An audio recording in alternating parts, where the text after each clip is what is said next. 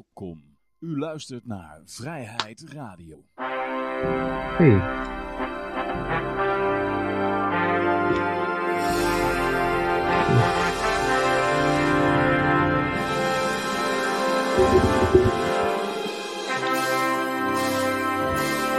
Ja, dames en heren, jongens en meisjes, dit is weer een nieuwe aflevering van Vrijheid Radio. Leuk dat u luistert. We zitten hier gezellig in Café Libertaria.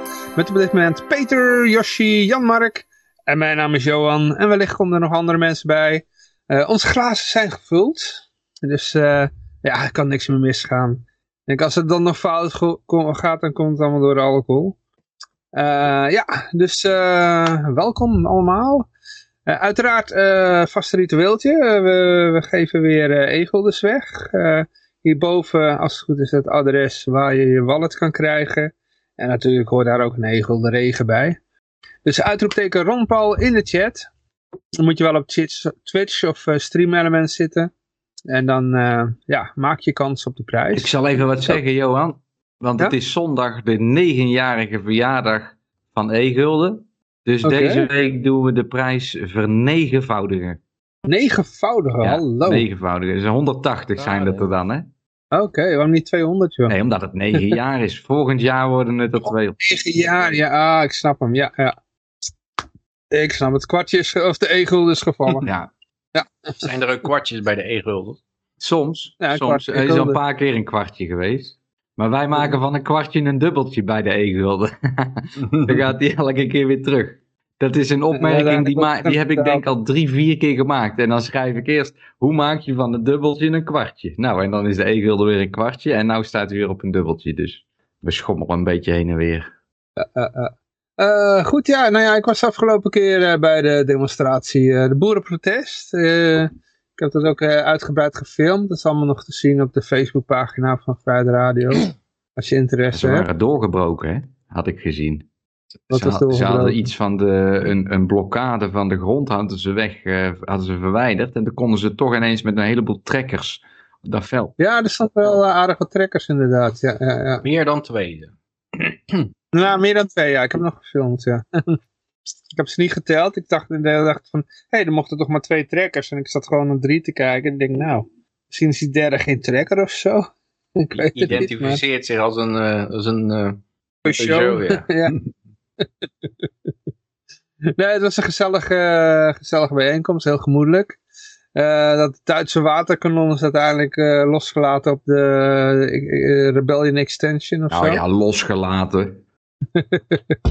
Die hebben een douche gekregen. Ja, een beetje besprengd. Dan, dan, laten ze, dan hebben ze de schijn van dat het een echte uh, actiegroep is. Waar, waar, die zij echt niet sponsoren. Ik had op, uh, op... Zie je maar, we spuiten ze nat. Het is echt... Het is echt uh, Ik had de, op de NOS, NOS Facebook pagina hadden ze er een bericht onder geplaatst van Extinction Rebellion. En toen zat er een vent en die zei, tenminste uh, dat neem ik aan, hij had een baard, maar je weet het niet met die figuren. En die schreef, uh, ik snap het niet hoor, in diezelfde stad staan mensen te demonstreren tegen de overheid, maar die steunen niet dit protest van Extinction Rebellion. Aan welke kant staan jullie nou? En toen had ik eronder geschreven, als je meevecht met het, met het privéleger van Soros, ben je niet tegen de overheid.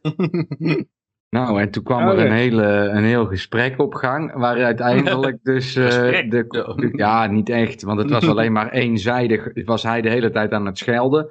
En toen zei hij op een gegeven moment, ja, want uh, zie je wel, jullie, je kan met jullie toch, met jullie volk... Oh, nee, wat, hij had op mijn Facebookpagina gelezen dat ik had geschreven, belasting is diefstal... En toen zei hij, nou, nou, zijn we uitgepraat. Ik zeg, ja, dat merk ik wel vaker met het type figuren zoals jij. Dan ben je in één keer uitgepraat, want echte discussies voeren kunnen jullie niet. Dus blijf lekker in je eigen... Het is, het is ook afpersing en niet diefstal. Dat zal zijn probleem zijn geweest. ja. ja, ik ben er niet achter gekomen, want eh, voordat we het erover konden hebben, was ik weer geblokkeerd. Dus. Ja, ja, er wordt van alles in een chat gezet. Nou, maar, ik, zie niet, ik weet niet welke chat hoor. Want ik... Nou, ik, ik weet niet welke chat jij zit, maar... Uh... Dat is jouw OnlyFans kanaal, Johan. Dat is jouw ja. OnlyFans kanaal. oh god, moeten we het nog over de verkiezingen hebben, jongens? Ja, oh ja, ik... Uh... Oh. Ja, dat gaan we zo meteen even doen. Maar uh, laten we eerst nog even beginnen met uh, goud, zilver, bitcoins en de staatsschuldmeter. Staatsschuldmeter? Oh nee, die hebben we niet meer, sorry. Eh, die hadden we ooit, ja, hadden we ooit. Het zit nog steeds in mijn, eh, Routine. in mijn routine, ja. Het is eh, goud, olie, bitcoin en de DXY, ja. Eh, olie staat op, eh laten we kort houden, eh 68,39 dollartjes. Eh, dan hebben we nog de, eh, even kijken hoor. Dit zal wel goud wezen. eh 1923,30 dollar. Eh, Bitcoin is, eh, hey, die is weer omhoog gegaan. Die staat op 25. Ja, die is net omhoog geflikt gegaan weer. Eh 2500, eh, ja, 25.000 eh, dollar. Ja. Met elke bank die er valt, komt er weer duizend dollar bij. Ja, inderdaad. Daar gaan we het ook nog over hebben. Godsam, ik mag het helemaal nergens meer over hebben, man. Ja, zo direct. Bewaar nou al die, al die goede argumenten voor later. Waaie agressie. Eh 104. eh, Straks is die fles 40 leeg en dan er. weet ik helemaal niet meer wat ik wou zeggen. Nee, goed joh. Ehm, ja, de LP-agenda, die heb ik vergeten erbij te halen. Nou, Of eh, vertel die er LP'ers eerst maar eens dat ze aan de verkiezingen meedoen. Dan kan ik ook een keer op ze stemmen. Ja. Ehm, Ik heb de agenda er niet bij, Ja, Johan. Stemlp.nl. Ik Oké. zal- Ja, maar de LP-agenda is toch gewoon de hele fucking overheid Zeven. afschaffen? 17 maart, borrel in Dat hoort de Flevoland. agenda te zijn. Café op 2. 17 maart LP-borrel Utrecht. Café van Zanten. 30 maart LP-borrel. Noord-Holland. In Dimitri. 17 maart en Ja. 30 maart. Oké. Het zijn allemaal Eh, borrels die ze hebben. Dat is wel leuk. Dus je kunt je eigen helemaal de tering suipen bij de LP gewoon. Ja, wanneer in Leeuwarden, joh, dan kan jij het organiseren. Ja. hey, ik zie ook Robert Valentijn bij Vrijburger podcast. Bij concurrentie, man. Vrijburger. Ja, normaal heeft het zijn eigen, maar gisteren had hij zijn eigen podcast. Ja, omdat hij vandaag op bij die andere woensdag, was. normaal is het altijd op Ja. donderdag. Hey, Nou is hij... eh, voor mij mag het hoor. Ik bedoel, Ja. als mensen eh, kiezen tussen ons en Valentine, dat vind ik beter dan tussen boer zoekt vrouw. Hm. En, eh, weet je wel, of, op Nee. één. Jinek. En, en we gaan kijken, Jinek of Vrijheid Radio. weet je wel? Maar goed, ja, eh, nou, er waren verkiezingen. Eh, Boer, de Boerenpartij die heeft eh, gewonnen, geloof ik. De Die Boer-Burgerbeweging. is meest vooruit gegaan. Maar wat mij dan verbaast is dat, eh, dat D66 en VVD allemaal zo weinig verliezen. Nou, ik, ik weet je, ik, ik zou jou vertellen, ik, ik ga het gewoon zeggen. Ik geloof er helemaal geen kut van. Nee, maar ik ga het jou vertellen. Oh. Hoe kan nou de grootste partij van Nederland, qua leden, maar al ver weg de grootste, hè? Om twee keer zo groot, meer dan, nee, meer dan twee keer zo groot als de VVD. Hoe kan hij nou gedecimeerd raken van negen naar één zetel? ja. Nou, zou ik En dat het is in een groeiende fase, hè? Het is dus, een, een, een, dus het is Nee. de grootste partij van Nederland in een, in een opgaande lijn. De VVD eh, heeft meer dan 10% aan zijn leden verloren eh, afgelopen tijd. Mag, mag ik jou er een verhaaltje over vertellen, Jan-Mark? Wat ik denk dat er aan de hand was? Vier jaar geleden, toen zat die FVD nog volledig in het machtsblok. Zeg maar, ze zeggen ze wel, wij zijn altijd de oppositie geweest. Maar toen was Thierry Baudet nog gewoon volledig ge- toegeëigend. En die had alle gedachten. En dat kun je bijvoorbeeld zien aan het begin van corona. Toen Thierry Baudet als eerste voor een lockdown ging pleiten. Want oh, er kwam toch iets aan vanuit China. En die zat ook gewoon in diezelfde informatiestroom van fake nieuws. En dus, en, en daar komt nog bij dat ze die eh, Nanninga en al die mensen die zich af wilden scheiden, daar waren ze ook al mee bezig. Dus dat wisten ze al dat dat op het pad ging komen. Nou, en toen is het ze gegund dat ze zo groot zijn geworden. En nu, na vier jaar en, en eh, drie jaar corona, waar, waar, waarbij dus FVD inderdaad een van de enige, laten we maar gewoon zeggen, de enige is die, eh, die een beetje realiteit spreekt. Nu zijn ze dus gewoon eh, taboe geworden en dan worden ze weer teruggezet op twee. Ja, dat, dat, dat, daar kan ik ook in meegaan. Voor gedeelte. Ik denk dat er misschien wel wat in zit, ja. Alleen het is wel zo dat het ook. ehm, ik denk wel dat toen zij negen zetels pakte in eh, vier jaar geleden. En toen zaten ze ook in, eigenlijk gewoon nog in een stijgende lijn van meer dan negen zetels. Dat ze er gewoon toch wel bang waren voor bijna een soort Pim Fortuyn effect. En, en dat, ze, dat ze toen eh, op de rem zijn gaan trappen. En daar komt dan inderdaad bij. Kijk, maar toen hij, ik denk wel dat hij bijvoorbeeld. ehm, kijk, hij was een beetje een soort Trump-populist ook. En die Trump die ging ook helemaal voor. eh, ja, we moeten eh, vliegverkeer afsluiten en zo. En ik denk dat hij daar een beetje in meegegaan is. Van we, doen een korte lockdown. En dan het verkeer uit China moet even pad worden gelegd. En hij, hij, eh, hij was verre weg van wakker.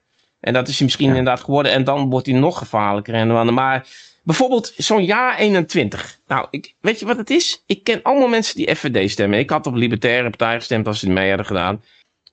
Ik ken niemand die op jaar 21 heeft gestemd ooit. En, en die partij is groter. En dat is een totale fucking eh, luchtfietserspartij. Maar ik bedoel, maar die, dat is die wat ik dan wel met jou een, mee een wil zak gaan. lucht met een bril. In de hele wereld worden dezelfde stemcomputers gebruikt. En Ja. dus is ook in Nederland is het gewoon één grote bullshit. En Dat het gaat ik gewoon ook. om welk verhaal kun je vertellen aan de mensen dat ze ermee wegkomen. Zeg maar, dat ze het Ja, dat denk ik ook. Maar ik denk, ik denk dat het gewoon... eh, kijk, je kunt zeggen, ik zit in een bubbel, in een rechtse bubbel. Stel je voor dat ik dat zit. Ik zit in een rechtse bubbel. Maar je ziet overal bij alle eh, artikelen, overal op internet, eh, onder de commentaren... Er is niemand die zegt, ja, Eertmans, daar ga ik op stemmen. Niemand. Helemaal niemand. Eh, eh, Ja, 21 kan nooit groter zijn dan, dan Forum. Dat bestaat helemaal niet. Daar op het internet niet. van. Op het internet niet. Maar het punt is dat de wereld. Nee, maar ook niet alleen. Er is, er is hier een, een, een eh, peiling geweest bij, het, bij de Leeuwarden Krant. En volgens mij was die eerlijk. Dat is heel fout gegaan. Die is ook niet meer terug te vinden. Hè, want eh, de Leeuwarden Krant is gewoon een fucking totaal propaganda kutblad. Is ook opgekocht, mediahuis. En is ook van AD. maar eh, niet. Forum zou hier een monsterzege hebben gehaald. Zou, eh, zou eh, gehaald. Volgens die peiling. En, en, en nou ja, je kunt het niet meer terugvinden, die peiling. Maar eh, ja, dat is natuurlijk. Maar, maar nu hebben ze trouwens. Oh, want het zijn allemaal exports. Maar weet je wat er hier gebeurd is in Leeuwarden? Ze zijn gestopt met tellen. Weet je waarom? Ze werden moe. Ze hebben Hmm. namelijk nog nooit verkiezingen georganiseerd. Ze hebben geen idee wat dat is. Joh. Ze zijn moe, ze zijn gestopt. En wat hebben ze nou gedaan? Ze hebben nou al die, die stemmen uit die stemhokken gehaald. En die zijn ze, hebben ze naar de harmonie gebracht. Nou, dat is dat stadstheater. En daar zijn ze nou aan het tellen. Allemaal mensen met D66 jasjes Ik was daar trouwens, hè. Ik, eh, ik was daar en eh, dat hele fucking stemhok hing helemaal vol met fucking plexiglas. En, da- en er zat zo'n zo'n zo'n pomp, hè, om je handen schoon te maken. Nou, er kon wel 5 liter zeep in, man. Godverdomme. En ik liep daar zo en ik tik zo even op dat plexiglas, bunk ik zo, bom, bom, bom, bom. Hé, hey, politiek activisme in een stemlokaal, dat is niet zo netjes, hè. Dat mag helemaal niet. Nou, eh, ze wisten helemaal nou, een beetje lachen, haha. Nou, eh, weet je goed, prima, weet ik aan welke kant jullie staan, weet je wel? Dus, eh, maar het, het is, ach jongen, het is allemaal zo erg. Maar ik geloof er gewoon geen reet van. Ik geloof er geen reet van. Het kan toch helemaal niet waar zijn dat zij van negen naar één zetel zijn gegaan, terwijl zij gewoon de, de, de grootste ledenpartij zijn in, in een groeiende fase. Hoe kan dat? Ja, En dan het, het ligt ook in de verwachtingen, denk ik, dat, dat zo'n democratie langzamerhand overgaat van eh, een beetje de cijfers ver- verdoezelen naar steeds meer gewoon keihard liegen. Want dat zag je bij de Sovjet-Unie ook zo, dat op een gegeven moment waren de economische cijfers... Ja, je begint met een beetje masseren, net met de inflatiecijfers. Ja, je kan wel een beetje met de statistiek wat doen en dan, eh, en dan op een gegeven moment dan helpt dat ook niet meer. En dan, dan, ja, dan, dan moet je maar gewoon keihard gaan liegen, ja. Er waren ook drie man gearresteerd, hè? Die, eh, want er schijnt je burgerrecht te zijn dat je bij het stemmentellen aanwezig bent. Ja. Nou, daar zaten ze niet op te wachten. hebben gelijk, eh, hebben ze gewoon eh, de Wouter gebeld. BOA's kwamen er. Nou, die wisten een burgerrecht, hadden ze nooit van gehoord. Nou, dan, ja, je wordt niet voor niks BOA. dus ze zijn gewoon gearresteerd, hè. Maar die, maar die voorzitter van zo'n zo'n kiescommissie, of weet ik veel, die daar zit, die heeft maar één taak. Die, en, die, en die weet dan niet dat het zogenaamd dat het een burgerrecht is. Maar ze hadden geen zin in, eh in pottenkijkers. Dus die lui die werden gewoon gearresteerd. En uh. Nou, ik ben wel benieuwd, want er zijn 1500 uh, man zijn er uh, gerecruiteerd om, om, het een beetje, om een beetje toezicht te houden. En ik, ik heb nou al een Twitterbericht gezien dat 15% had uh, meldingen gemaakt voor onregelmatigheden. Dus ik ben wel benieuwd wat voor shit er allemaal naar boven komt. Maar ja, weet je wat het is? Ik, ik, heb, ik heb zelf nog helemaal geen keiharde bewijzen. Daar hadden we het de vorige keer ook al over. Toen hadden we alleen als bewijs dat we dan die 30.000 stemmen, die briefstemmen die ongeldig waren van, van zijn van... Nee hoor, zijn wel geldig. Alleen, kijk, als je, als je zo makkelijk bent, dan geeft al een beetje aan um, hoe je erin staat, hè? Als je zomaar even 30.000 stemmen gewoon, oh ja, ze zijn wel geldig. Nou, dat betekent dus dat jouw ethiek is niet zo... Specifiek over die stemcomputers is het bewijs er overmatig aanwezig. Iedereen, als je het ook maar... er zijn zoveel documentaires inmiddels gemaakt, die meeste uit Amerika, maar Ja. ook in Brazilië hebben ze hetzelfde probleem gehad. En iedereen zegt hetzelfde, deze software is niet waterdicht. Er zit gewoon een, een, een, een, een zwak punt in die hele schakel, waarin je handmatig alle stemmen gewoon kan aanpassen. ja. En dan krijg je dus alle stemmen. En dan moet je het naar het volgende systeem. Nou, en dan kan, kan één iemand gewoon met de hand alles aanpassen. Weet je wat voor wet er aangenomen is? Dat heb ik even in de Vrijheid Radio eh dinges gedumpt. Oh, Sinds 1 januari 2023 Mhm. is het, ik zal het even voorlezen voordat ik het verkeerd heb. Maar het, het gaat erom dat, dat er een, een wet aangenomen is dat de verkiezingsuitslag mag eerst eh, bekeken worden door politici, of een, of een paar politici. En dan mogen ze kijken of het wel, of het wel oké is, voordat het aan het publiek wordt kenbaar gemaakt. eh, oh, nee. Zodat wij beschermd worden tegen, eh, als ze stelt dat er allemaal fouten in zitten. Dus Ja. daar kwam het een beetje op neer. En dan, eh daar beschermen ze ons tegen, tegen die desinformatie. Ik zal even kijken of ik het bericht eh Ja, dat voor mijn LP neus... in één eh, keer 75 zetels heeft of zo. Dan zeggen ze, oh nee, dat kan niet, dat is fout. Nee, die is ja, een fout gegaan. als- Eh, we moeten, Als ze niet meedoen, als ze niet meedoen en ze krijgen toch vijf zetels, dan is het inderdaad wel verdacht, hè, Johan? Ja, eh, Ja, dit, is de, dit heet de nieuwe procedure vaststellen verkiezingsuitslagen. Per 1 januari 2023. Wetsvoorstel nieuwe procedure vaststelling verkiezingsuitslagen is vandaag door de Eerste Kamer aanvaard.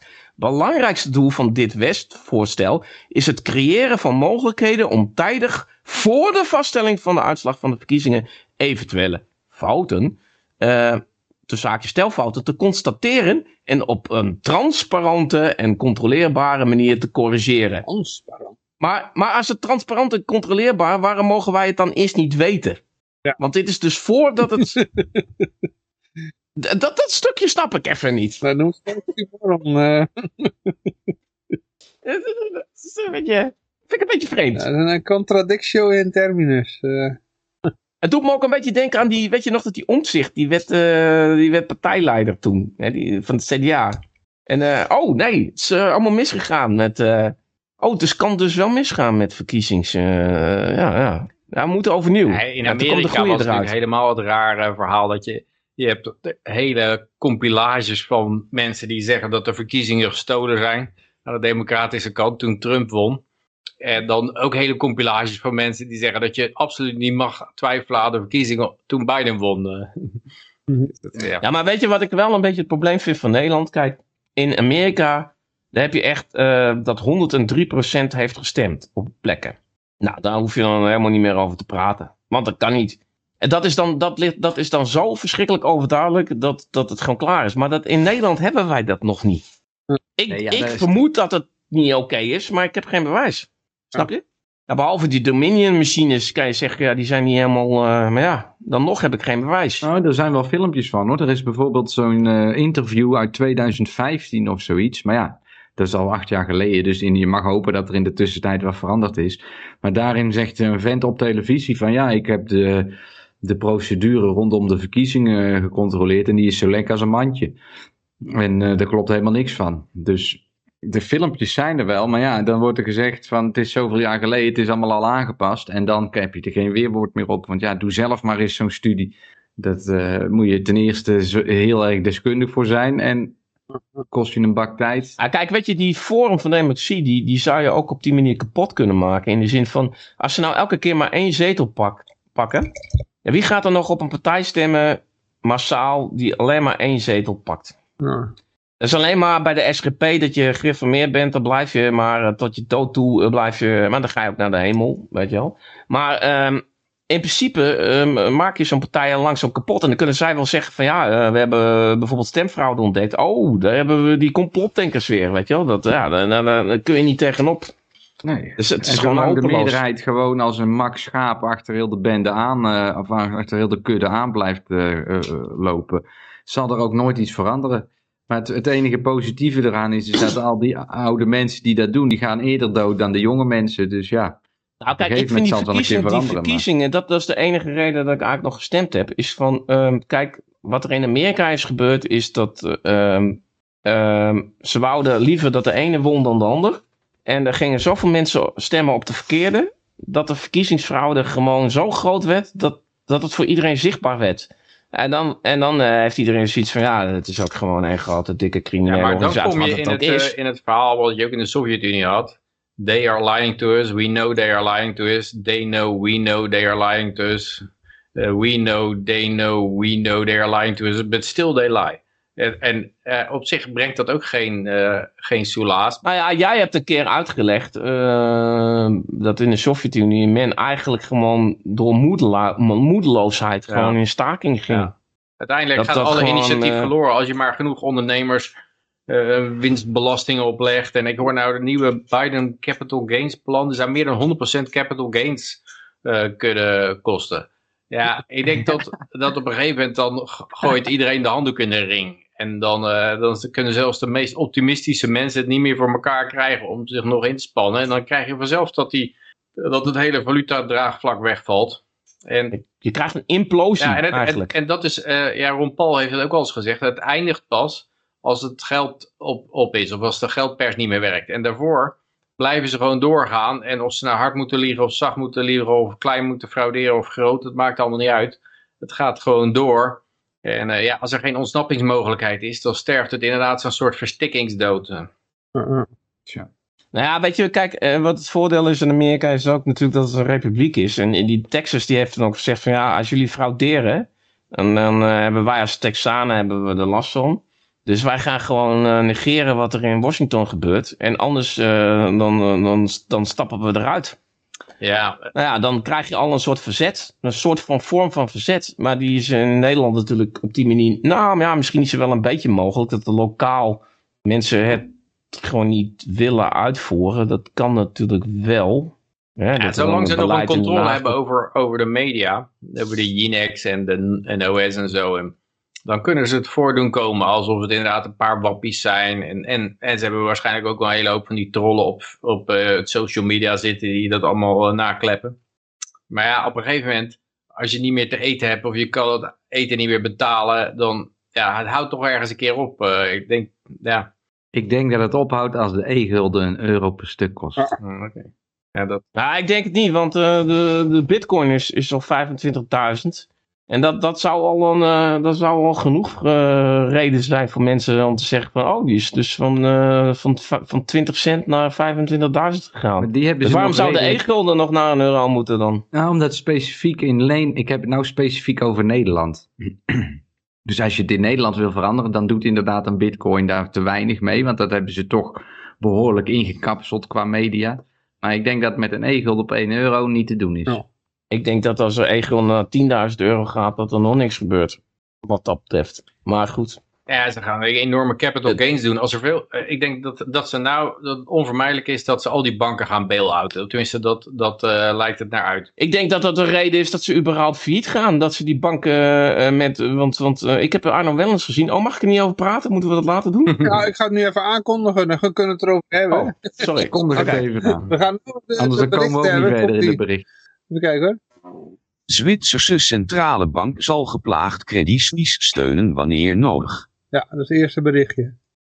Nou, ik, ik wil even Arno Wellens, en dan mogen jullie erop reageren of hij eh, een punt heeft. Arno Wellens die zei van, eh, nou die, die bank die, eh, nou ja, oké, die balans die was niet helemaal boterham lekker, maar dat is bij al die banken eigenlijk wel zo. En die balans was dan ook weer niet zo slecht dat die bank echt per se eh nou, het zal wel Signature. Bank zijn, denk ik. Maar dat, ze, dat hij eh, zoiets had van, eh, misschien willen ze hem wel graag kapot. En dan hem, en hem dan weer redden. Het is niet, je? dat is niet eh, de Silicon Valley Bank. Dat zal Signature Bank zijn. Ja, dat kan, dat kan. Ja. Maar goed, eh, kijk, want, want in principe, want Arno Wellens heeft ook gezegd van eigenlijk zijn alle banken technisch gewoon failliet. Ja, Ja, dat dus- is dus dan is het een- fractioneel bankieren eigenlijk. Hè? Want Ja, nee, je maar dan, altijd meer uit dan je hebt. eh, het punt is dan dat, dat er dan nu in één keer al die ba- banken moeten klappen en vallen. Dat is dan iets wat ze misschien dan wel graag willen. En dan redden natuurlijk. De reden waarom deze ze- zo, ja, redelijk eh, goed, eh, goede bank is omgevallen, is omdat ze problemen hadden met een verplicht eh, balanspost die ze moeten aanhouden. Dat is dus via de wet, elke bank wordt verplicht Precies.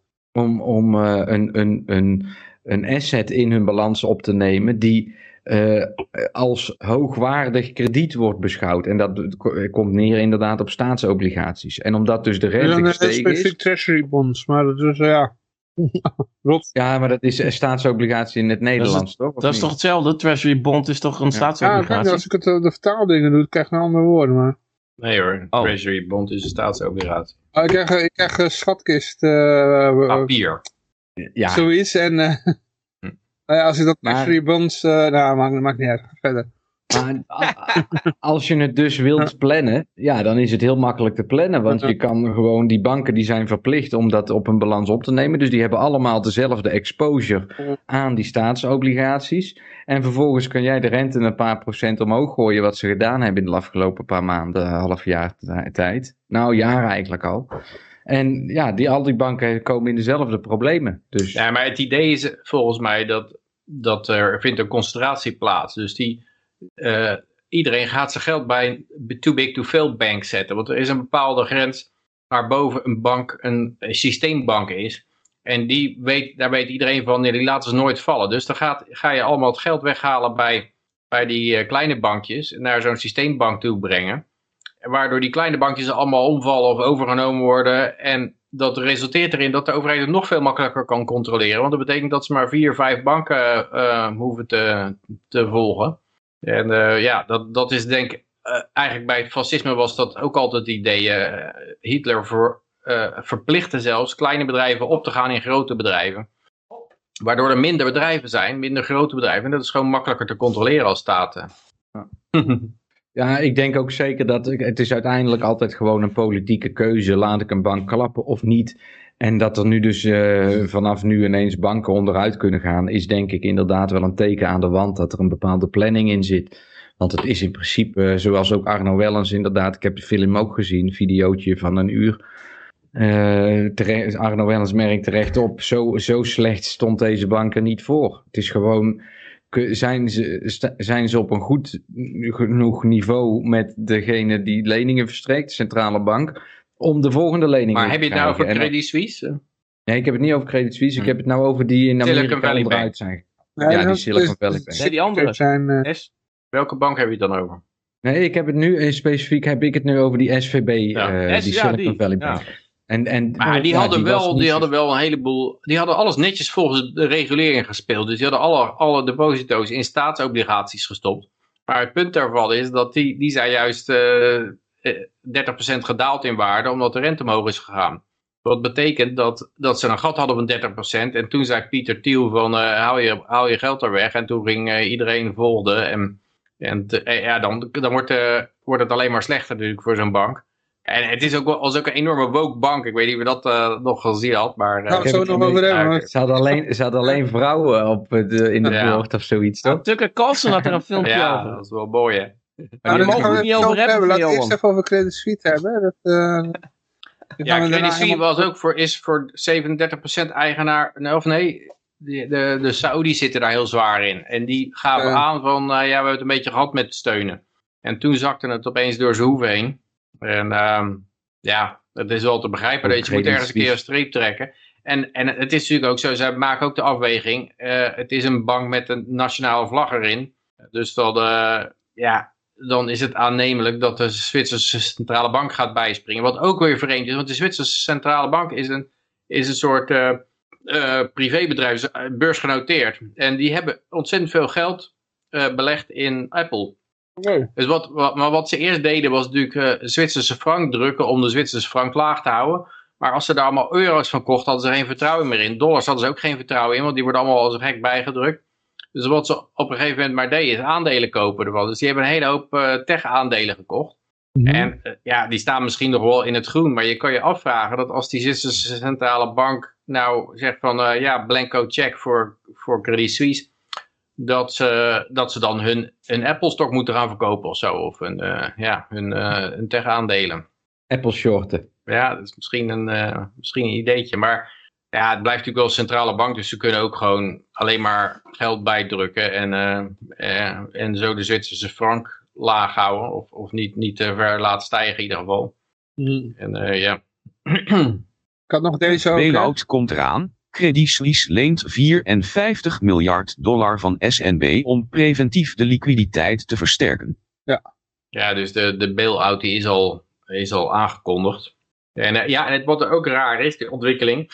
Het was natuurlijk bij de, voor de Great Financial Crisis was het in Amerika zo dat je tot 100.000 dollar verzekerd had. Door de FDIC. En die FDIC die heeft daar helemaal geen geld voor als die banken gaan omvallen. Was het toen 250.000 Peter. Nee, het was 100.000. Het was voor de Oh. Great Financial Crisis was het 100.000. Toen Oh. kwam de Great Financial Crisis en wat ze toen deden was, eh, ja, eh, want, want wat, je, wat je krijgt is dat mensen alles boven de 100.000 eruit gaan trekken.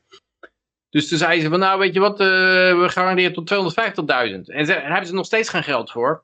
En, eh, en nu hebben ze dus gezegd, want die, die Silicon Valley Bank, dat is een beetje een rare bank, omdat daar 97% van de tegoeden was boven die 250.000. Er zaten allemaal eh, mensen zoals Peter Thiel en Oprah Winfrey en Meghan Markle. En die, die zaten dus allemaal daar dik boven. Dus er was eigenlijk niks verzekerd aan die tegoeden van die bank. Dus, dus dan zou iedereen alles eruit gaan trekken. Dus zeggen ze, nou, we, we verzekeren gewoon alles. Eh, unlimited. Eh, we- en en met, het, met hetzelfde niet geld dat ze hebben. Het is eigenlijk een soort zwerver die zegt van... eh, ja, ik garandeer alle triljoenen die er zijn. Het, is- het is, maar als mensen erin geloven... van ja, het is de staat, dus die hebben geldpers... dus het zal wel goed komen en dan blijf ik maar zitten. En ik denk dat dat hier in, in, in Europa ook gaat gebeuren. Dat ze die grens gaan optrekken. Steeds verder. En, eh, ja, en, en eigenlijk kan je zeggen dat er gewoon een... eh, toch een QE is. Hè? Ik geloof dat JP Morgan dat had het ook gezegd. Van effectief is dit een, een trillion dollar aan QE. Dat, eh, het wordt wel niet zo genoemd. Want wat ze doen is... Ze nemen die assets van die Silicon Valley Bank. Die, die eigenlijk 70 cent op de dollar waard zijn. Omdat dat staatsobligaties zijn. Als je ze nu zou verkopen. En die assets die nemen ze voor 100 cent op de dollar op de balans. En, en dus je krijgt, je krijgt 100 cent voor iets wat 70 cent waard is. eh.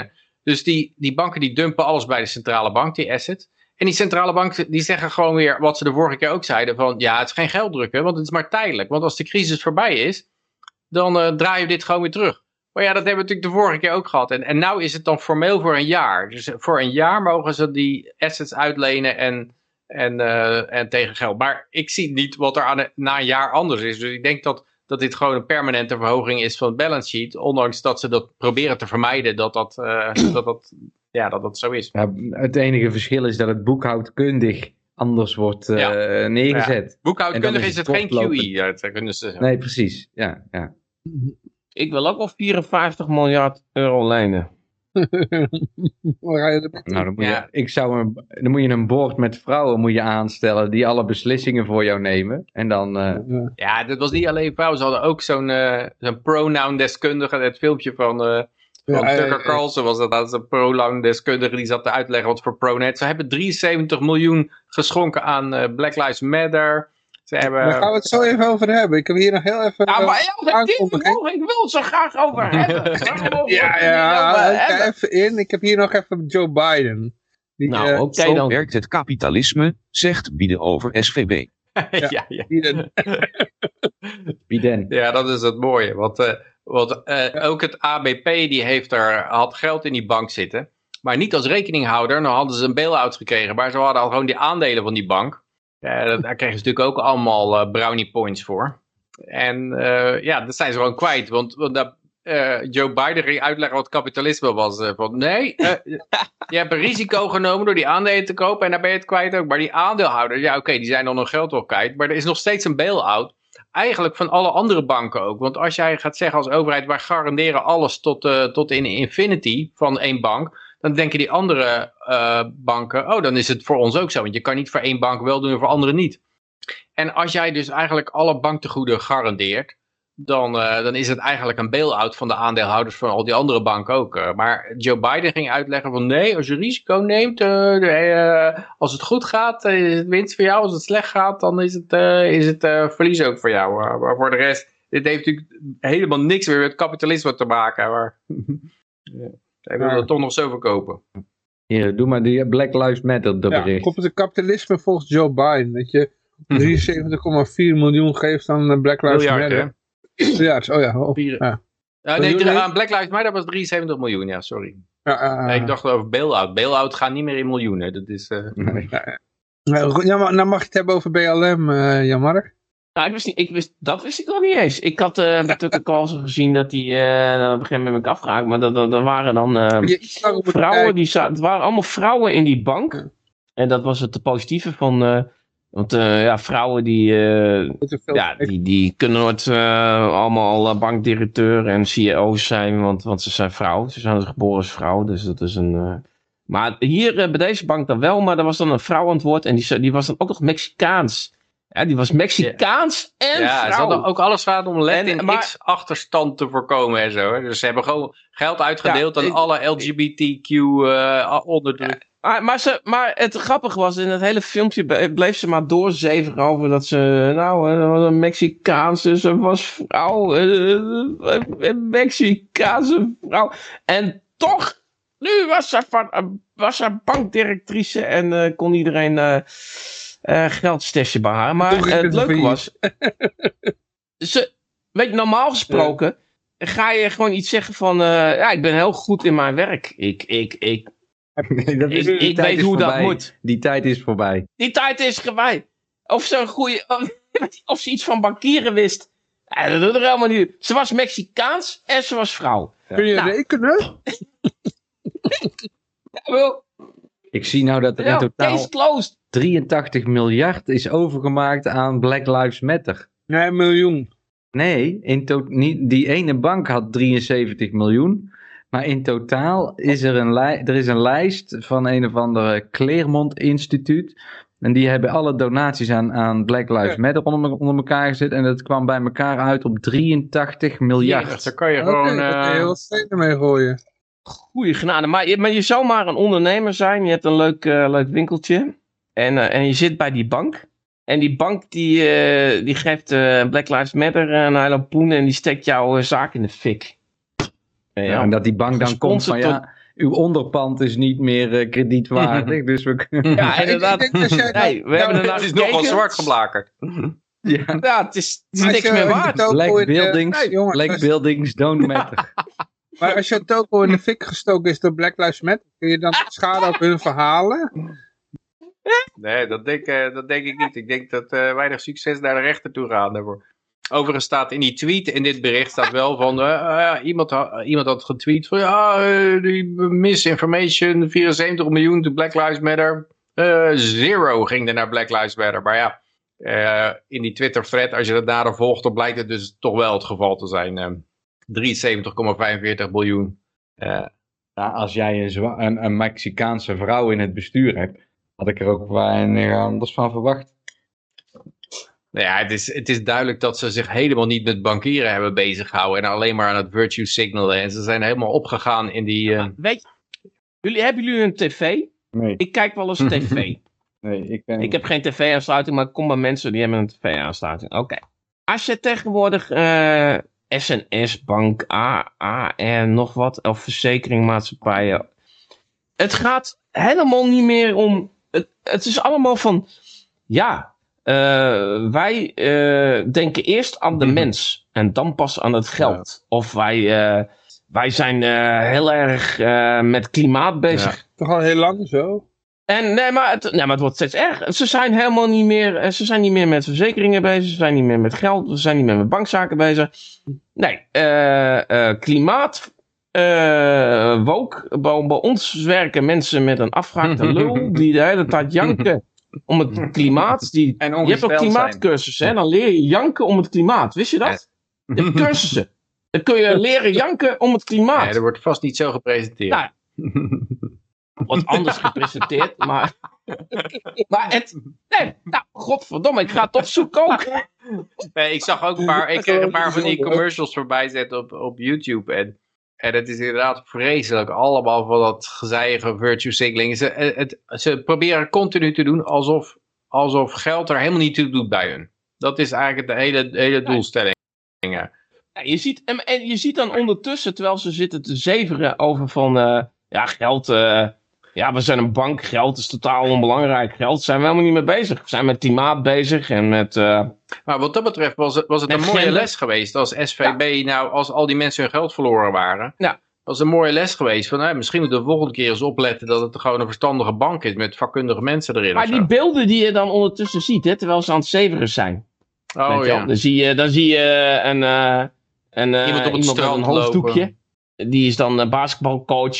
En ja, weet je, allemaal, eh, allemaal shit die niks in ieder geval geen reet te maken hebben met, eh weet ik Ja, maar dat was natuurlijk altijd al zo. Als je een autoreclame zag, dan was het ook al had het niks meer met van deze auto's betrouwbaar en veilig en zo. Dan zie je, je reed over een kustweg of zo met een mooi uitzicht en vrijheid. En er wordt een emotie uitgestraald. Dat, al die reclamelui doen dat zo.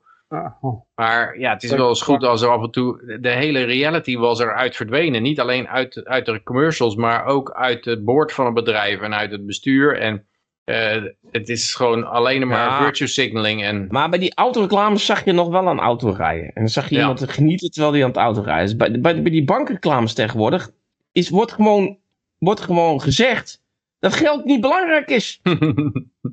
Het wordt gewoon, het, het, het, men heeft het niet over geld. En sterker nog, men, men, men, men, het is gewoon echt van, eh, ja, bah, geld. Nee, natuurlijk niet. Gender, klimaat. ja. Nou ja, het, het is nog, gaat nog verder. Een bepaald gevoel en dan een logo erop. Hoppakee, zo werkt dat. Nou. Maar Hey, eh, gasten. Lucas, Hey, Lucas, Hey, jong. Eh. Hey, hadden jullie trouwens even, even, even kort tussendoor, als, als even comic relief, hadden jullie die eh, 28 eh, redenen waarom mensen een hartaanval krijgen tegenwoordig? Hadden jullie dat het al gelezen? hebben. Daar gaan we Nee. het zo over hebben. Oh, oh, nou, dan, dan mag oh, nou. komt- die staat Oké. Nee. Bij alles gaan, we gaan het er zo over hebben.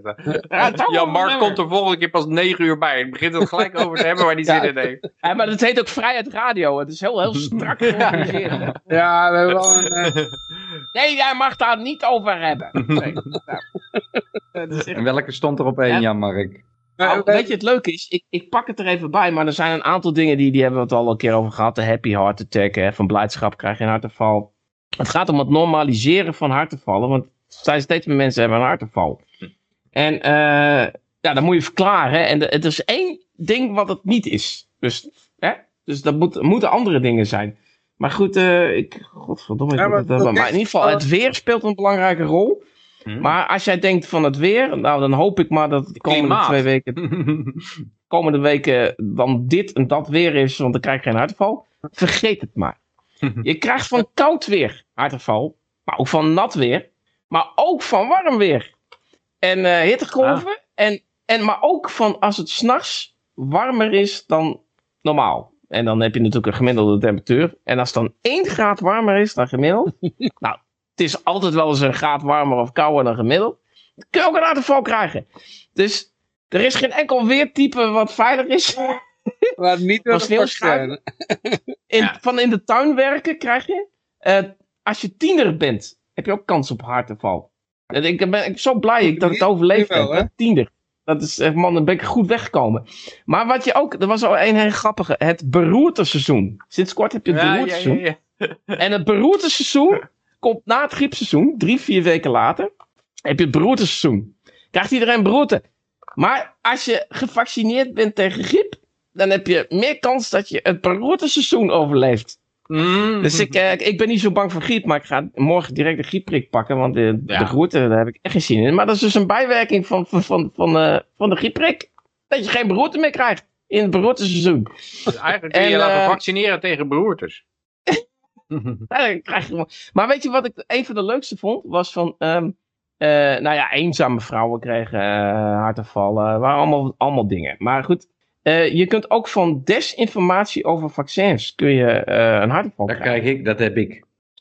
Maar goed, en dan denk je desinformatie van dat het safe en effective is. Nee, verkiezinguitslagen. eh, dit, dit gaat om mensen die geprikt zijn, die een hartaanval krijgen, maar die, dat komt niet doordat ze geprikt zijn, maar omdat ze stress hebben gekregen van mensen die hebben gezegd dat die Oh ja. prikjes niet helemaal boterham lekker zijn. Dus wij hebben het gedaan. Ja. Maar dat geeft wel een enorme macht, hè? Dat je gewoon mensen gewoon iets kan vertellen van nou, die prikjes, ik weet niet hoor. En dat ze gewoon dood neervallen. Door jou. Ja? Nou, ik denk wel dat daar in zekere zin een kern van waarheid in zit. Dat als die mensen er eenmaal achter komen hoe groot die fraude is geweest, dat dat zo'n heftige impact kan hebben dat mensen spontaan dood neervallen. Hoge gasrekeningen stond er ook bij. Hartaanvallen. Ja, dat Ja. eh, kan me voorstellen. Ja, maar ik zou verkiezingsuitslagen zou ik er ook eh, onder, onder zetten. Ja, ik ga er gewoon bij. Ik, ik, ik, ik- ja, sowieso COVID, dat vond ik ook trouwens wel grappig. Eh, COVID-19 was ook een oorzaak dat eh, mensen hartaanval kregen. Dat is een luchtweginfectie, was het toch? ja. Hoe, kan je, hoe krijg je nou een hartaanval van een luchtweg? In, dat is ook gewoon zoiets. Ja. Als je heel hard moet hoesten.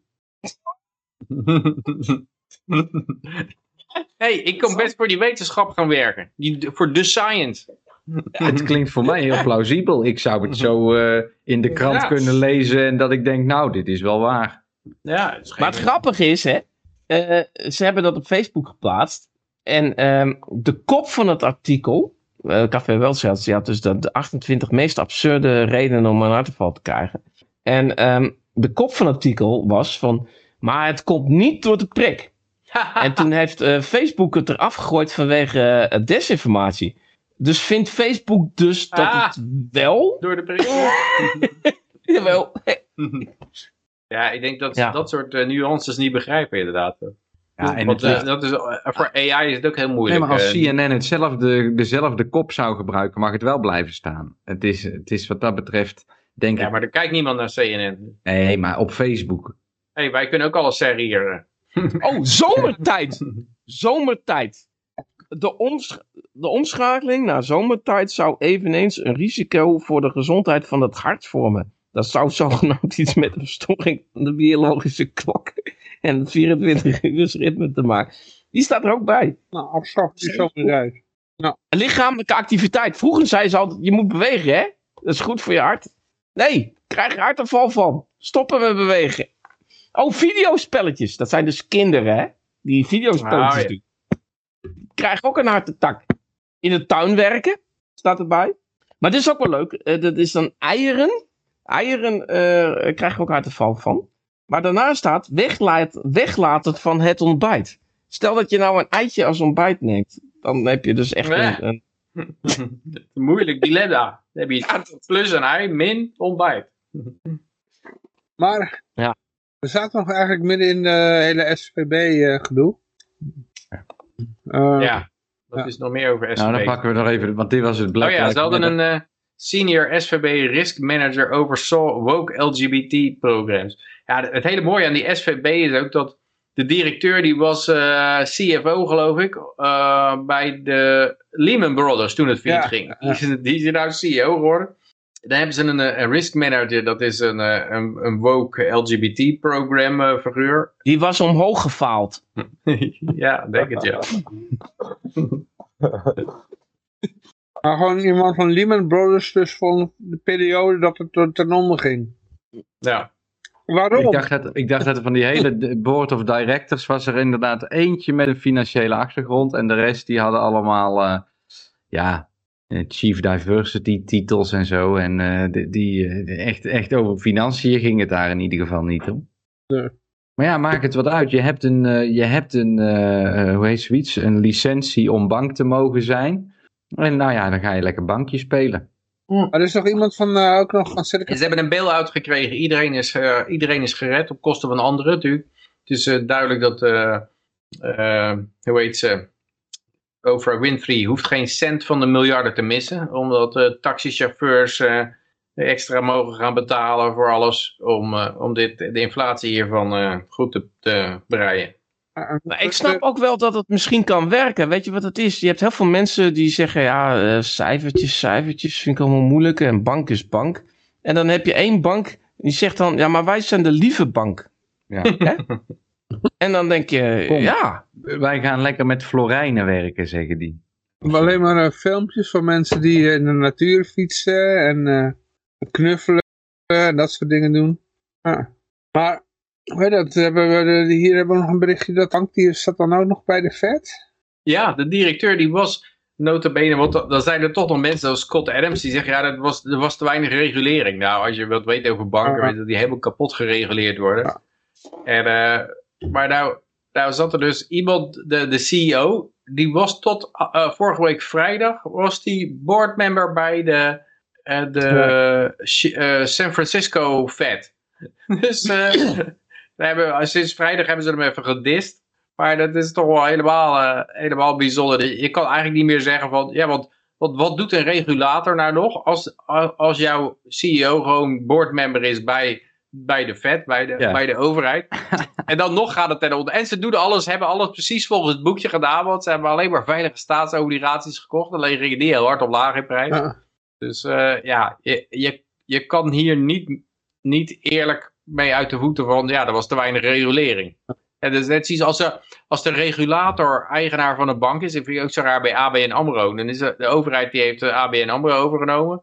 En dan zeggen ze, ja, er, loopt een witwa- witwasonderzoek tegen ABN AMRO. Maar het is nou, nou de overheid zelf. Net zoals als de overheid runt nou eh, eigenlijk de USDC. Dus die, die runt eigenlijk de, de, Stablecoin? Nou, ja, die stablecoin. eh. Nou, ze, runnen, ze runnen dat eh, er is een, een systeem waarbij je 24-7 kunt handelen. Er zijn maar een paar banken die dat kunnen. En dat systeem is overgenomen door de regulator.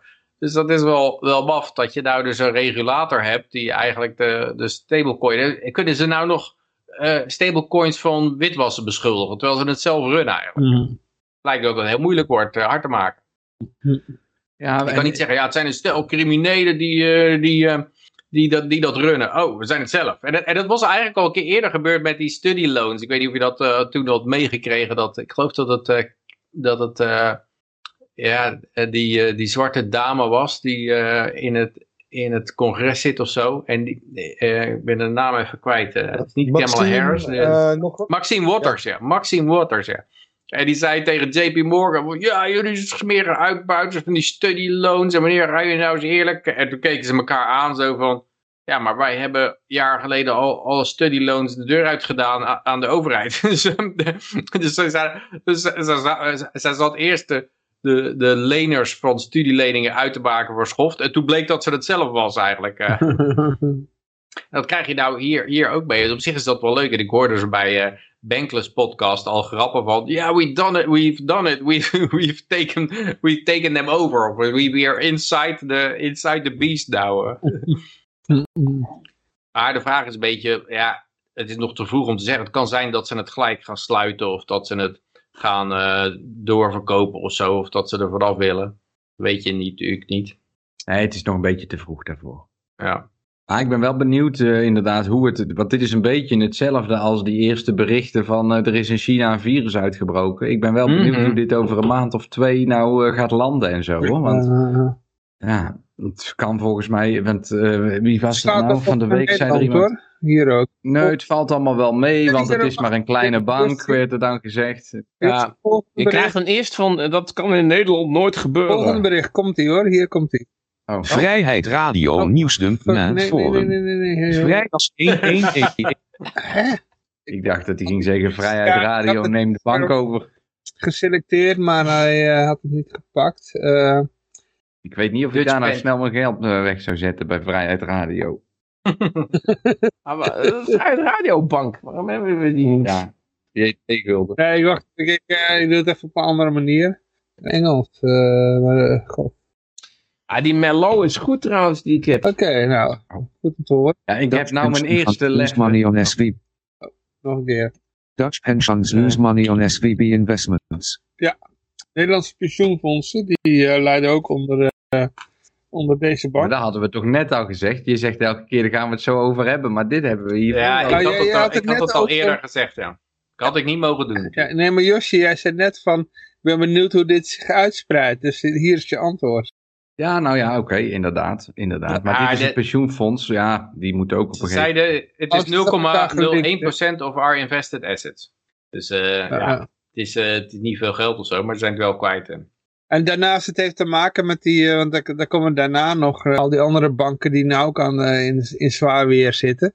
Omdat, zeg maar, ja, met die staatsobligaties, dat is niet alleen maar deze bank die eronder leidt, de rest leidt er ook onder. Dus pak je, pak je hoe dat bak met popcorn maar, want Ja, in feite staan ze allemaal Ja. in het rood. Inderdaad, ze hebben geen assets meer die de, die, die de tegoeden denken, dekken. Ja. Maar als de overheden overal zeggen, ja, onge, eh, ongelimiteerde dekking. Ja, dan zal het de worst wezen voor de, voor de bankklant. Ja, waar- waarom zou ik me nog zorgen maken? Ik heb dat zelf ook. Van, nou, als het 100, 100.000 zit, waar maak ik me dan zorgen over? eh? Nou ja, dat jij bent het wel een tijdje kwijt waarschijnlijk. Hè? Ik bedoel, Ja, plus dat, plus dat het natuurlijk onzin is. Als, echt, als al die banken omvallen en al die deposito's zijn, zijn weg. En die, en die FDIC, die moet dat allemaal gaan vergoeden. Hebben ze gewoon geen geld voor. Dus dit, dat is toch die daklozen die staat te roepen dat die triljoenen garandeert aan, aan kapitaal. die En iedereen geeft? gelooft het maar, maar, maar je hebt het idee van hoe dik is dat geloof? Hè? Op een gegeven moment dan denken mensen van ja, maar hoe kan jij dat nou garanderen? Want je hebt het niet. Maar aan de andere kant, het, het, ze konden het toch al niet. Ze konden het eerst niet en ze konden het niet nu het bedrag is opgetrokken. Kunnen ze helemaal niet.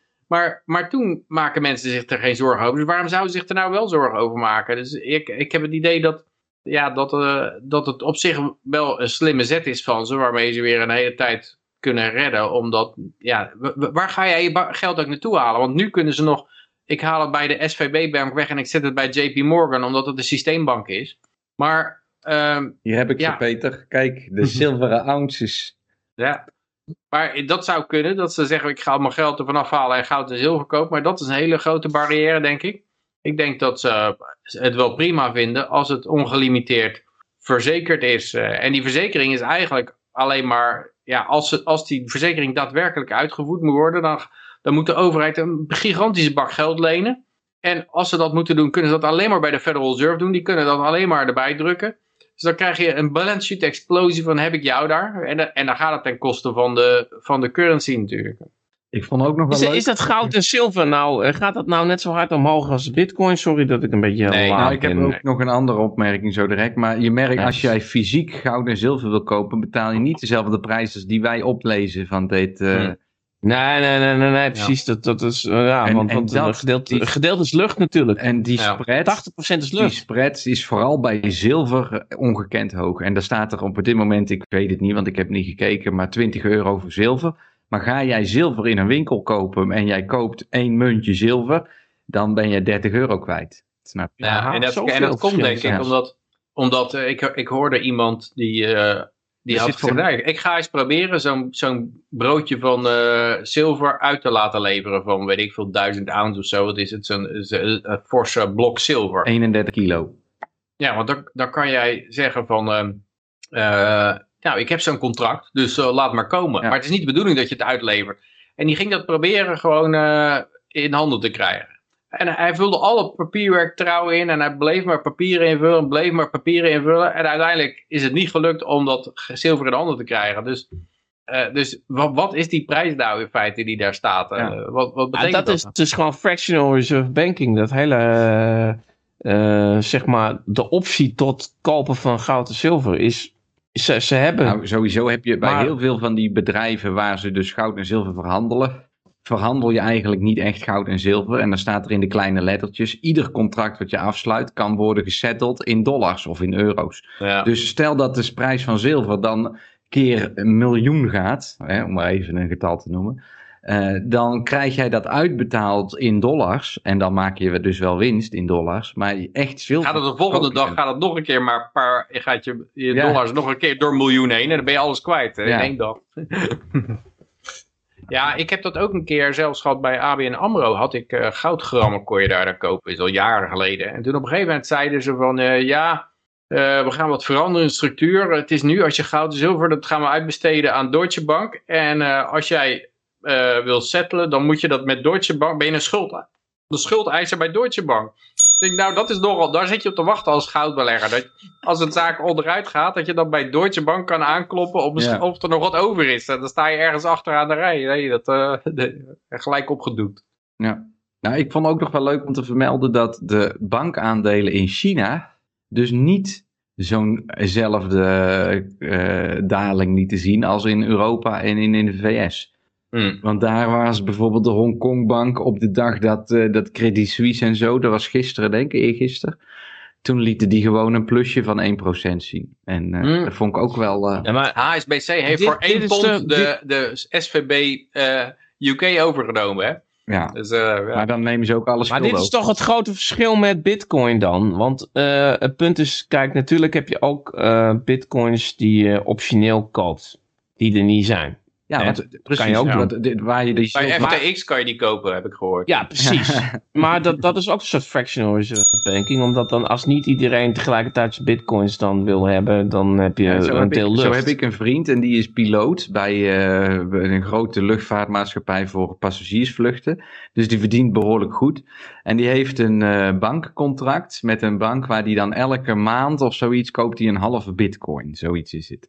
Maar als hij die bitcoins geleverd wil krijgen, dan duurt dat vijf werkdagen. Dus op het moment dat hij een withdrawal invoert, moet hij vijf werkdagen geduld hebben. En toen heb ik ook tegen hem gezegd, ga op een andere manier met je bitcoins om, want jij, jij hebt geen controle over je eigen bitcoin. En zo denk ik ook wel dat er heel veel mensen eh, veel meer bitcoins bezitten, als dat er daadwerkelijk op de markt zijn aangekocht om hen ook uit te betalen. Op zich kan het nog wel. Dat betekent dat je hooguit een maand verliest. Toch? Nee, ja, nee, maar het is ook, het is wat Dus dat als, ook- als hij al eh, twaalf maanden bezig is bijvoorbeeld, een Ja, jaar. Totdat zo'n Dan bedrijf is die... failliet is. eh, Totdat Ja, zo'n bedrijf bedrijf failliet En gaat, als dan- bitcoin dus ineens keer zoveel gaat, dan moet maar blijken of dat bedrijf ze ook uitbetaalt, weet je wel. Dus- nee, maar je, Ja, maar je maar- moet ze gewoon elke, elke maand moet je ze dan afhalen. En dat duurt elke keer vijf dagen. Ja, precies. Maar je, je, moet, ze, je moet ze nooit... eh, dan loop je vijf dagen risico. Nee, dat is ook zo. Ja, maar goed, wat ik wil Maar zeggen dat is niet de van, het is praktijk, want de mensen laten het er dan op staan. Ja, ja, En, ja. en die accepteren dat gewoon dat het Ja. wat anders heet. Ik weet niet of ze Maar dat goed, wat ik, waar, doen. waar ik naartoe wil, waar ik naartoe wil, is dat het is natuurlijk veel makkelijker om een code te hebben dan een, een fysieke uitlevering Ja. van, van een transport, transport van goud of zilver. En dat er waarschijnlijk veel meer mensen bitcoin echt hebben. Dus ze hebben echt die code Ja. in een wallet. Er zijn meer mensen En die bitcoin echt hebben dan goud en zilver echt hebben waarschijnlijk. Ja, en dan krijg je natuurlijk dat die waarde van bitcoin blijft dan eigenlijk gewoon dichter bij de echte waarde dan als je gewoon maar de hele tijd lucht aan het verkopen bent met, met, met Ja, zilver en goud. Dan blijft die goudprijs en die zilverprijs, die blijft dan lekker laag maar eigenlijk. ook daar kan het... Omdat er helemaal niet zoveel goud en zilver het is. zou kunnen gebeuren dat die mensen ook een keer om levering gaan vragen als ze de banken niet meer vertrouwen natuurlijk. En, en Ja. daarom heb ik zo'n hekel aan Lightning. Want daar eh, kun je gewoon met z'n getalletjes spelen in principe. Maar het schijnt, eh, ik heb een keer van Middelkoop gehoord, dat, ehm, dat het helemaal niet kan. Het is helemaal niet zo makkelijk om zilver uit de grond te halen. Als iedereen nu zegt tegelijkertijd, wij willen allemaal dat zilver, dan is dat zilver er gewoon Nee, nee, helemaal niet. Ja, ja zeker. Tuurlijk. Nee, er worden, er worden bakken met zilver, er worden hele jaarproducties met eh, zilver eh, verhandeld in, in, in, één of dag. twee dagen of Ja, zo geloof ja. ik. En dit is ook, eh, kan ik ook nog wel eens een filmpje van delen. Dat is ook al nou, tientallen jaren bekend. Waarin dat er gewoon gezegd wordt. Dat zilver in de COMEX zit met 150 Sorry, eh, 105 15.000 procent. 150 keer te weinig zilver. Als wat ze hebben uitstaan bij mensen.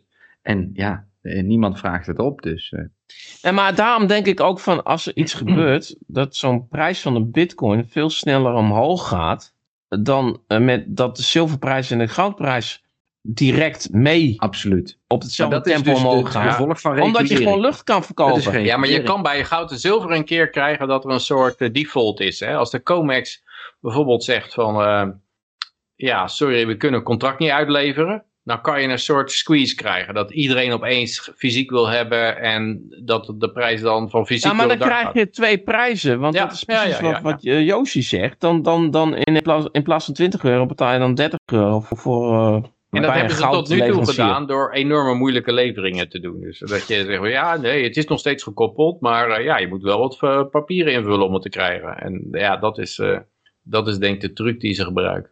Ja.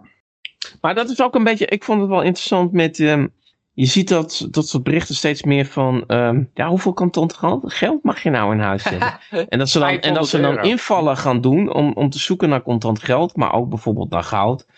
En want dat is dan natuurlijk van, als ze de boel aan het fuckers zijn, dan, dan is de enige optie voor mensen is er nog inderdaad goud in huis hebben, of wat dan ook. Maar als, ze dan, als dat al, al, al crimineel is, dat jij gewoon bezit in huis hebt. in- Ja, maar je, dan je moet het alleen opgeven in box 3, hè? Dan, eh, dan is het oké. Ja, ja, oké, zo. Ja. Ja. Ik weet niet Maar in de ik weet dat praktijk hoe op een ver het gegeven moment voorkomt, maar... de, eh, tijdens de Weimar hyperinflatie gebeurde het ook dat de politieagenten gewoon naar het, het, het plein toe ging in, in Berlijn, waar mensen drankjes zaten te gebruiken. en daar gewoon geld uit de mensen hun zak klotten. Dus uiteindelijk komt de overheid naar je toe deze zomer. Dat is... eh, eh, en die komen de, ja, het wordt natuurlijk steeds directer als, eh, ja, hey, jij zit gewoon een drankje te nuttig, dus heb jij geld. en, en dan was het ook nog zo dat dat, dat, dat geld, je, je kon beter als je, als je bij het terrasje aankwam, gelijk al je drankjes bestellen en afrekenen. Dan eerst één drankje bestellen en dan een volgend drankje, want dan was het alweer duurder geworden. En dan een volgend drankje was nog duurder geworden. Nee, gewoon gelijk boom, pats, alles eh, afrekenen, vooruit bestellen. En dan dat laatste En drankje. het, het verkoop- laatste bier is dan dood. Nee, maar die verkoop je dan alsnog voor meer dan je de andere ja, ja, biertjes ja, hebt. met winst. en dat geld, dat waren, waren, dan daar op zoek nog steeds. Eh, Ja, het is een rare situatie allemaal. ja. Maar je hebt het in Zuid-Amerika ook wel gehad, dat als jij een auto kocht, en dan kon je hem tweedehands meer verkopen dan, dan de nieuwe had gekocht. Gewoon omdat die- door inflatie was die in nominale waarde omhoog gegaan. Ja, joh. By the way, Leuk. En dat, is, dat leidt natuurlijk alleen maar tot meer inflatie. Ik Want dat denk niet betekent dat dat mensen- dat mensen wat zeggen, die nou, grappen- Ik denk Die niet dat dat met Tesla's gaat gebeuren trouwens. Hoor. Nee, Nee. maar die Grapperhaus had het op een gegeven moment over van... ehm, dat hij ook alles wat op eh, Marktplaats eh, werd verhandeld moest geregistreerd worden. Ja. En want dat is dan ook... Want hè, iemand die een, eh, een Gibson Les Paul of een, of een Fender gitaar koopt... Ja, die kan er ook tien keer meer voor krijgen na tien jaar, weet je wel. ja. Maar dat wil hij ook nog geregistreerd hebben. Maar dan moet je, dan, dat gaat om tweedehands producten waar ooit al een keer BTW over betaald is. Hè? Dan, dan, daarover, die mensen moeten ook nog eh, worden gecontroleerd. en moeten dan dat jij, eh, ja, dat je gewoon via Marktplaats een heleboel assets verkoopt als je geld nodig hebt of zo. Of als je iets, eh, en, en dat je die assets eigenlijk gebruikt als waardevastlegging, als een soort box 3. En ja, Ja. Als, jij, als jij één gitaar verkoopt, zal het denk ik geen probleem zijn. Als jij opeens tien gitaren verkoopt, dan, dan eh, er staat opeens een mannetje op de stoep. Daar Ja, maar, maar het, punt, het punt is dat, dat iedereen die zichzelf probeert te beschermen tegen inflatie, daar zijn ze naar op jacht. Ja. Ja. In wezen.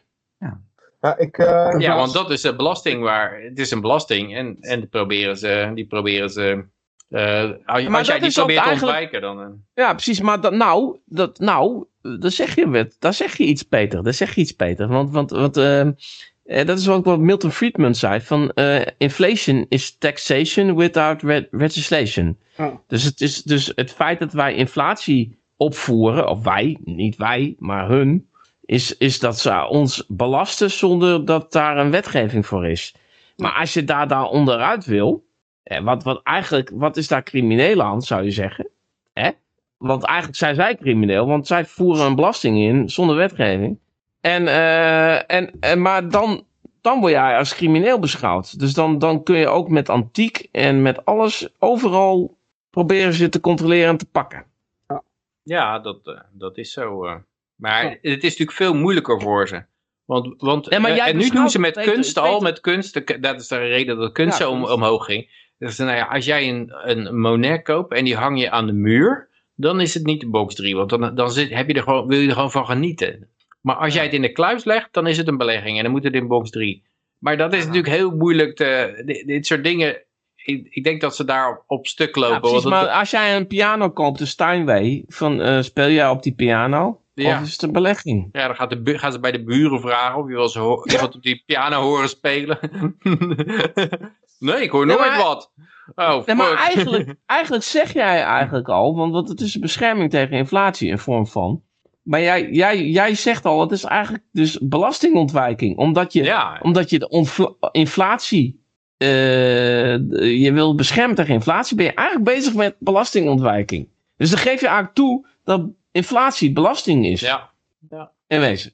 Ja. Zij, zij zelf Nee, geven zelf, ware zelf toe. geven dat eigenlijk toe, ja. ja. Ja. Nee, maar het, het punt is ook dat, dat het is nu al zo dat mensen die assets hebben, dat die er enorm op vooruit lopen. Er wordt een hoop geklaagd van ja, de miljardairs hebben zoveel vermogen toegevoegd aan hun vermogen tijdens de covid-crisis, omdat hun assets zo veel omhoog gingen. En dan willen ze dat, eh, dat is nou het nieuwe plan van Joe Biden, dat je meer dan 100% capital gains tax betaalt. Wat overigens in Nederland al normaal is. Want in Nederland heb je, heb je een virtueel rendement. Als jouw rendement eh 0, niks is, of je hebt een negatief rendement, dan, eh, dan rekent de overheid nog steeds de belasting over een positief rendement. Dan betaal je in feite meer dan 100% ook. En er zijn al zoveel rechtszaken over gevoerd en het blijft gewoon in stand. En de rechters zeggen nee, dat mag de Nederlandse wet zo doen en het is niet perfect. Hetzelfde als BTW over accijns.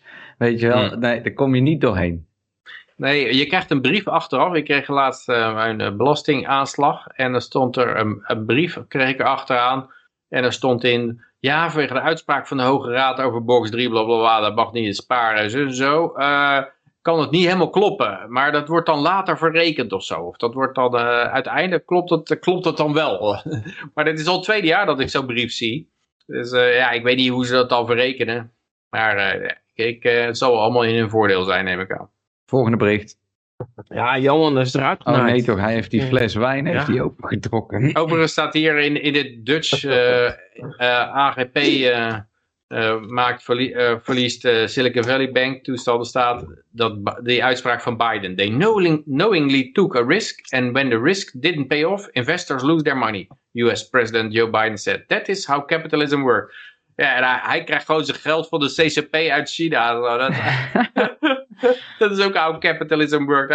En, en Nancy Pelosi had dat ook al zo. Hè? Hij handelde ze met voorkennis. Ja, dat kan toch niet dat je, dat je handelt over, eh, ehm, over eh, met bedrij- in bedrijven waar je, die je zelf reguleert. Dus ho ho, zegt ze, this is a free country. En eh, en, eh, this is how capitalism works. En, opeens komen die mensen met capitalism als het gewoon over totale eh, ja, corrupte voorkennishandel gaat. Zo krijgt uh, kapitalisme een slechte naam. Hey, by the Ja, way, dat heeft het al. Hij heeft het al. het ging net ook over Lucas. auto's. En eh, wat, wat nog onderbelicht is, maar wat mogelijk ook nog wel een groot risico betekent eh, voor de Amerikaanse economie, is dat de toevoer van nieuwe auto's weer aan het stijgen is, omdat die chiptekorten eigenlijk wel zijn opgelost. En dat er heel veel leningen zijn afgesloten op tweedehands auto's die soms ook duurder verkocht waren dan eh, nieuwe auto's. En dat betekent dat, een groot, of dat de prijs van tweedehands auto's ook weer omlaag gaat. Waardoor je te Mhm. maken krijgt met leningen die eh, ja, gewoon niet meer het hele lening Onder water staan eigenlijk, ja. trekken. Dat schijnt ook nog wel een behoorlijk, behoorlijk serieuze impact te kunnen hebben op de economie. Ik hoorde nou dat eh, Ford, die ging een auto maken die, die zichzelf repossessed, heette dat. dus Oké. dan werd een grapje gemaakt, die rijdt er gewoon terug naar de dealer als jij een lening niet betaalt eh, zelf. En er werd er eh, een grap gemaakt van, eh, ja, dus het kan zijn dat als je wakker wordt dat je zowel je vriendin als je auto bij je weggegaan zijn. Dus, eh, maar daar hoor je ook nog heel weinig van. Maar nou, is ook wel iets om Ja, die car loans, dat is ook een, eh, maar ja, die, die vastgoedloans, dat is natuurlijk ook een probleem aan het worden. Die carloons schijnen inderdaad nu eh, ook op te gaan lopen in failures. Ja. Dus ik ben ook, ja, hoorde ik eh Red Pill News, ik denk dat ze alles een bail-out gaan geven. Alles krijgt gewoon een bail-out. eh. alles een bail-out. En zolang, Want, want, dat, zolang dat alle ambtenaren maar naar het werk gaan, dan eh, draait het allemaal gewoon door. ja, want, die, want nou hebben ze eigenlijk al die staatsleningen staan onder water. Nou, geeft die banken ehm, een bail-out. Of de depositors geeft die een bail-out. Nou, straks zijn de, de autoleningen die het hebben, staan ook onder water. Maar ja, waarom zou je die dan geen bail-out geven? Je neemt gewoon alle assets over voor 100 cent onder dollar. Alles wat onder water staat. Allemaal op de, op de balance sheet van de centrale bank. En ja, de centrale bank bezit dan op een gegeven moment alles. En ze kunnen dat nooit meer afwikkelen.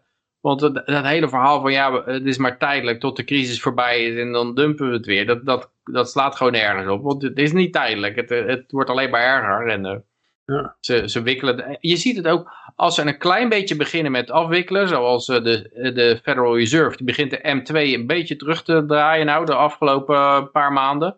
En de, eh, de, dus door staatsobligaties af te laten lopen en geen nieuwe te kopen. Dus dan eh, loopt, loopt hun balance sheet ietsje terug. Nou ja, dan valt gelijk flikkert alles gelijk flikkert om. eh. Ja. Dus ja, en ik, denk, ik neem aan, misschien nog niet nu, maar ik denk dat ze bij de volgende vier crisissen, dat het dan, eh, misschien is, is eh Credit Suisse al de trigger, maar anders dan zal het wel een volgende bank zijn. En dan, eh, dan zeggen ze, oké, we zijn om en het is genoeg. En dan, en dan zit je nog steeds met een hoge inflatie waarschijnlijk.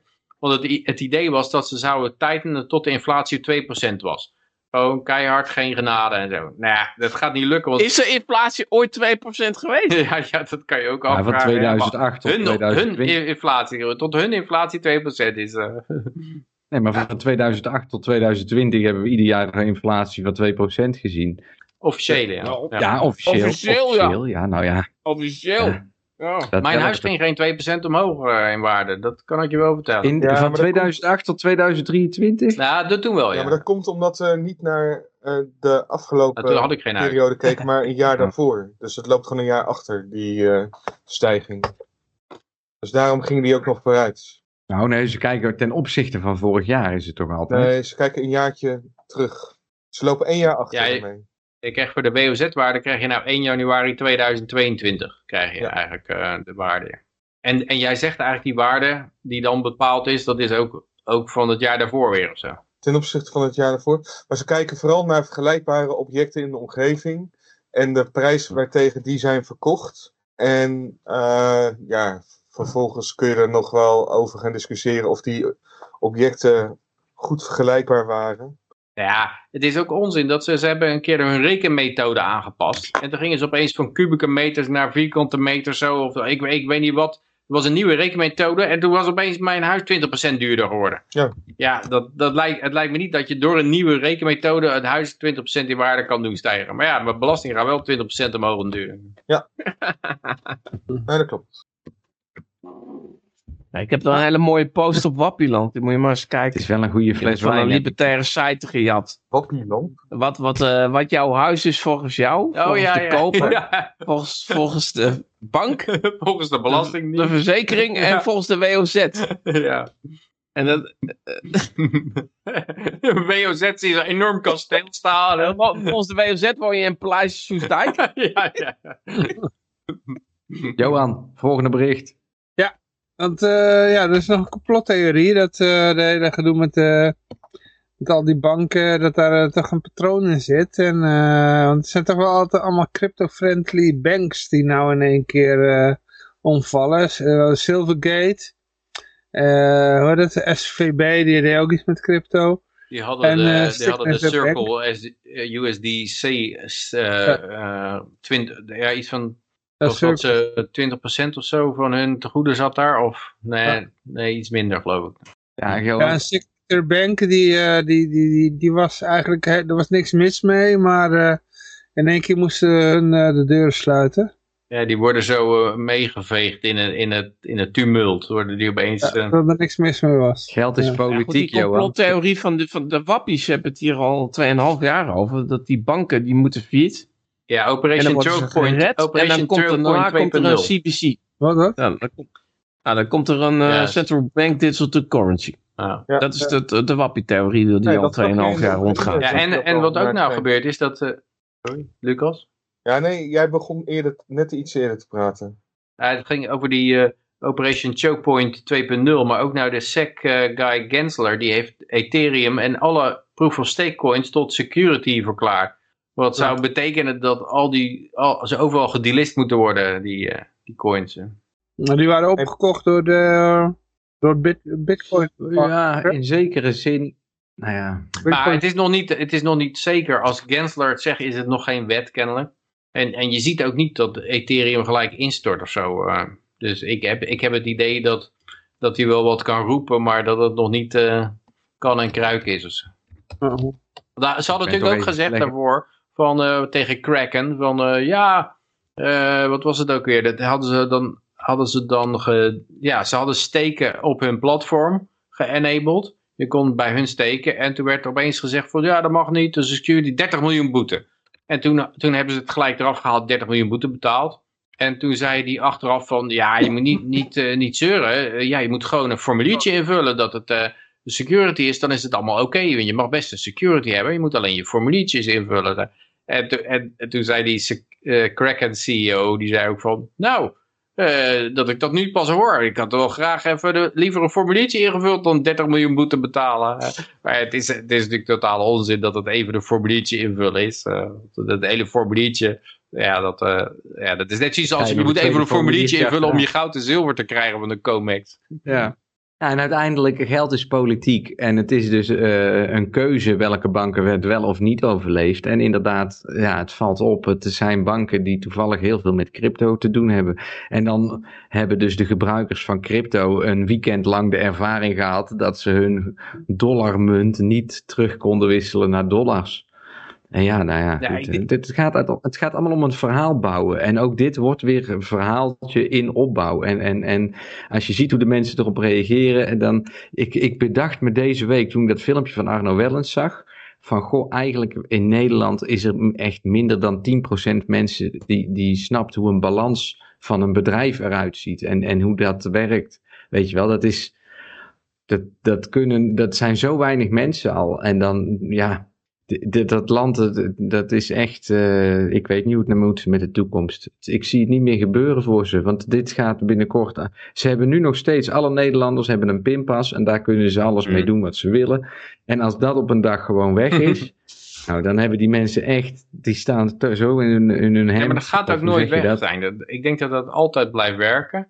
En dat Nee, ze nee, gewoon dat- alles, alles een bail-out geven. Alles wat elke bank die... En, en die banken die horen dat natuurlijk ook.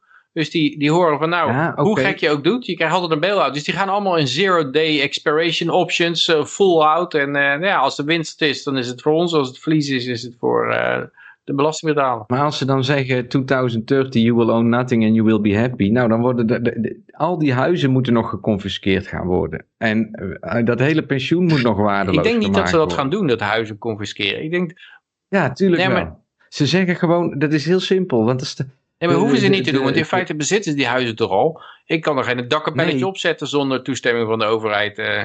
Ah, ik kan niet ja, eh, een gat in de tuin graven om, om, een, om een Het benzinetank in te zetten jij- van, eh van 1000 Jij liter kan, of zo. beslissen, jij kan beslissen wanneer je het te koop zet. En daar gaat het om.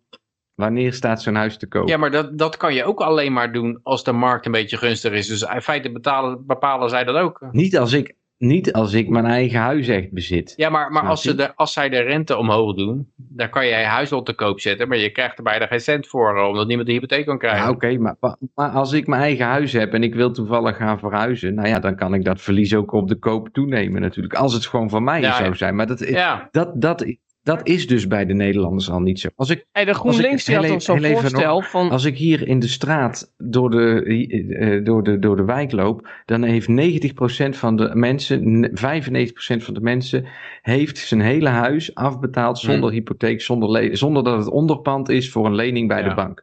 En die huizen zijn dus ook heel weinig waard. In zekere zin kosten die, eh, misschien, nou ja, midden in het centrum, net verbouwd, misschien 70.000 euro. Maar eh, in een dorpje voor 10.000 euro heb je een, een bouwval van een huis waar je dan een nieuwe keuken in kan gaan zetten. En als je dat leuk Zelfs vindt. dat heb jij niet Maar- gekocht. Zelfs dat heb ik niet gekocht, want ik zie ook daarin nog steeds geen toekomst. Want er is. Ik, ik, ja, nou goed, ik weet het ook niet. Ik moet Ja, er ook het is, over het is mezelf niet waar dat die huizenprijzen hier, het is, het is voor een groot deel allemaal gebakken lucht. eh, en, eh, ja. en, en je ziet, in Oekraïne zie je dat ook, dat omdat, die, omdat ze zoveel met inflatie te maken hebben gehad, is een hypotheek bijna ondoenbaar, ondoenlijk. Niemand, er geeft gewoon niemand een hypotheek. Of je betaalt 20% rente, of je betaalt eh, dat, dat ze in vijf jaar hun hele geld aan rente terugzien. Eh, of, je, of je neemt een hypotheek in Zwitserse frank of zo, waarbij je een enorm valutarisico loopt. Eh, maar, maar mensen die, die kopen er bijna niks met een hypotheek. Ze, ze, ja, ze zijn helemaal onbekend met het VDD ook. Als je zegt van "Hey, ik heb een hypotheek om het huis te kopen, dat, dat- ja, dat, dat moet je ze helemaal uit gaan leggen wat dat dan is, eh, hoe dat dan werkt. Ja. En dat wordt, dat wordt toch wel echt een probleem. Want dat, dat snapt nu dus nog niemand. En daar gaan de mensen dus op een corona-achtige manier. Oh, ik heb nou geleerd hoe ik een balans moet lezen. Oh, geweldig. Nou, en dan. Ja, net als dat we met z'n allen even moesten weten hoe een virus in elkaar zat. Dat bedoel ik te zeggen. Snap je? Niemand had ooit verstand van een virus. Maar na corona ging iedereen ontzettend veel van zijn tijd. eh, ineens besteden om te weten hoe, de hoe een virus in elkaar steekt. Nou, en dat zie ik ook wel een beetje met dit. Ja, ik denk dat die huizenprijzen, dat blijft gewoon, eh, weet ik veel, een half miljoen of zo. Maar dat half miljoen, daar kan je op een gegeven moment heel weinig brood van kopen. Ik las nu al dat, dat, dat tarwe in het brood te weinig stikstof heeft om brood van te maken. Dus eh, ze, ze, als je het uitdrukt in broden, in worsten, in, eh, in voedsel of zo, dan, dan gaat het hard naar beneden, denk ik. Eh, Peter, Ja, behalve, Ja. Eh, klopt het, eh, wat ik op No Agenda hoorde, dat eh, toen de oorlog, in de, of toen Rusland Oekraïne binnenviel, de speciale operatie, eh, of dat, eh, dat er gelijk de munteenheid werd vervangen door een CDBC-gebaseerde munteenheid.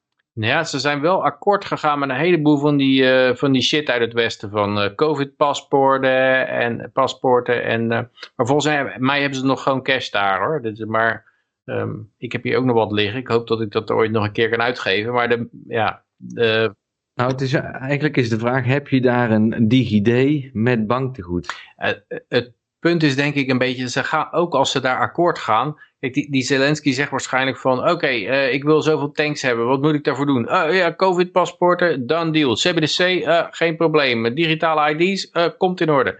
Maar in de praktijk is er bijna niks te implementeren in dat soort landen. En er is zoveel corruptie dat je overal omheen kan. Dat het ei- eigenlijk formeel niet zoveel uitmaakt waar ze, waar ze akkoord aan geven.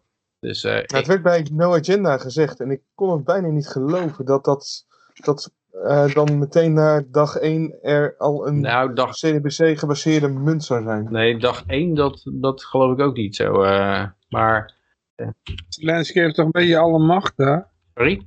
Ja, maar die, die Zelensky die staat er zeker zo onbekend dat hij zo'n eigen wil heeft. Die doet toch ook precies wat ze hem opdragen, bedoel ik te zeggen. Ja, nee, ja, kijk, maar dat is geen oppositie, dat bedoel ik te zeggen. Hier staat er, Ik Ukraine had het al- consider CBDC that can facilitate crypto trading. En dat is 29 november 2022. Dus dat is niet, één, dat is niet dag 1 van de inv- invasie Ja. geweest. Eh, Ik had al mijn twijfels over hoe het dat werd verteld bij No Agenda, om eerlijk Hmm. te zijn. Ja. Oké, cool. Dankjewel. Voor het uitzoeken ook. Hier in 3 gaan we december naar 2022 doen? zegt Ukraine Central Bank unveils plans for digital hryvnia. Dus dat, dat is alleen dat, is unveil. 3, dat is 3 december, hebben ze nog maar een plan ervoor. eh.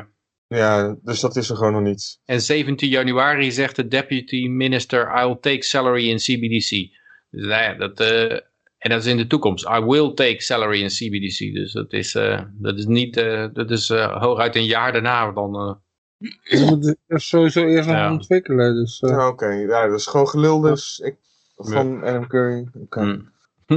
ja, cool. bij, bij No Agenda, eh, het, is, het is meer entertainment value. En ze, zitten, ze zijn heel speculatief. Ze, ze lullen af en toe over dingen waar ze niet zoveel verstand van hebben. Maar soms zitten er gewoon juweeltjes tussen. Da- daarom is het leuk. eh. Maar het is niet Ja. zo dat je... Je moet er niet op, eh, op prat gaan dat het allemaal, allemaal klopt. Ja. Maar het, ik, het, ze hebben, ik vind No Agenda hebben gewoon een hele leuke art, hebben ze, vind ik. Die, die aftershow clips, ze zijn gewoon briljante muzici die hele leuke clips maken, weet ik. En, en ze hebben een goed gevoel voor humor.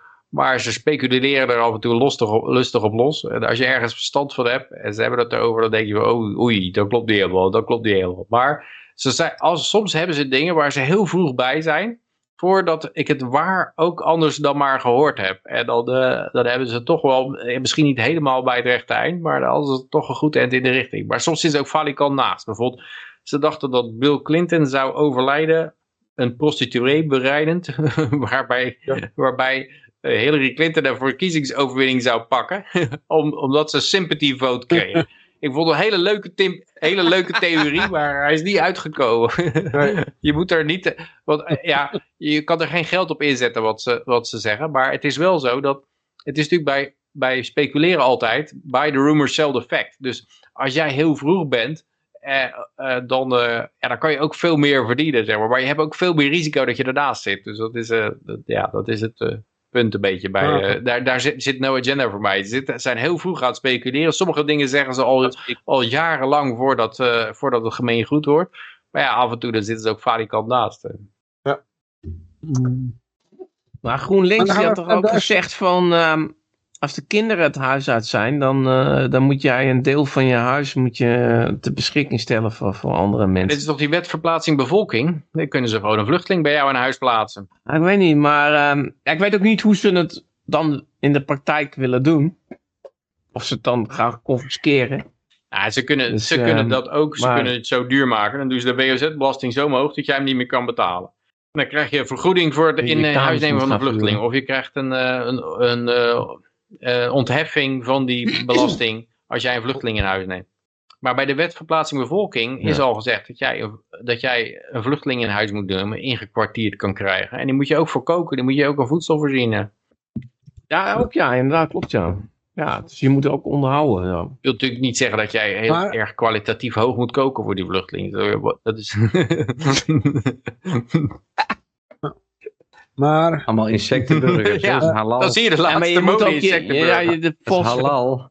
volgens parool moest je je, eh, je viervoeter je hond inleveren voor Ja, ja, inruilen ja, voor een vluchteling.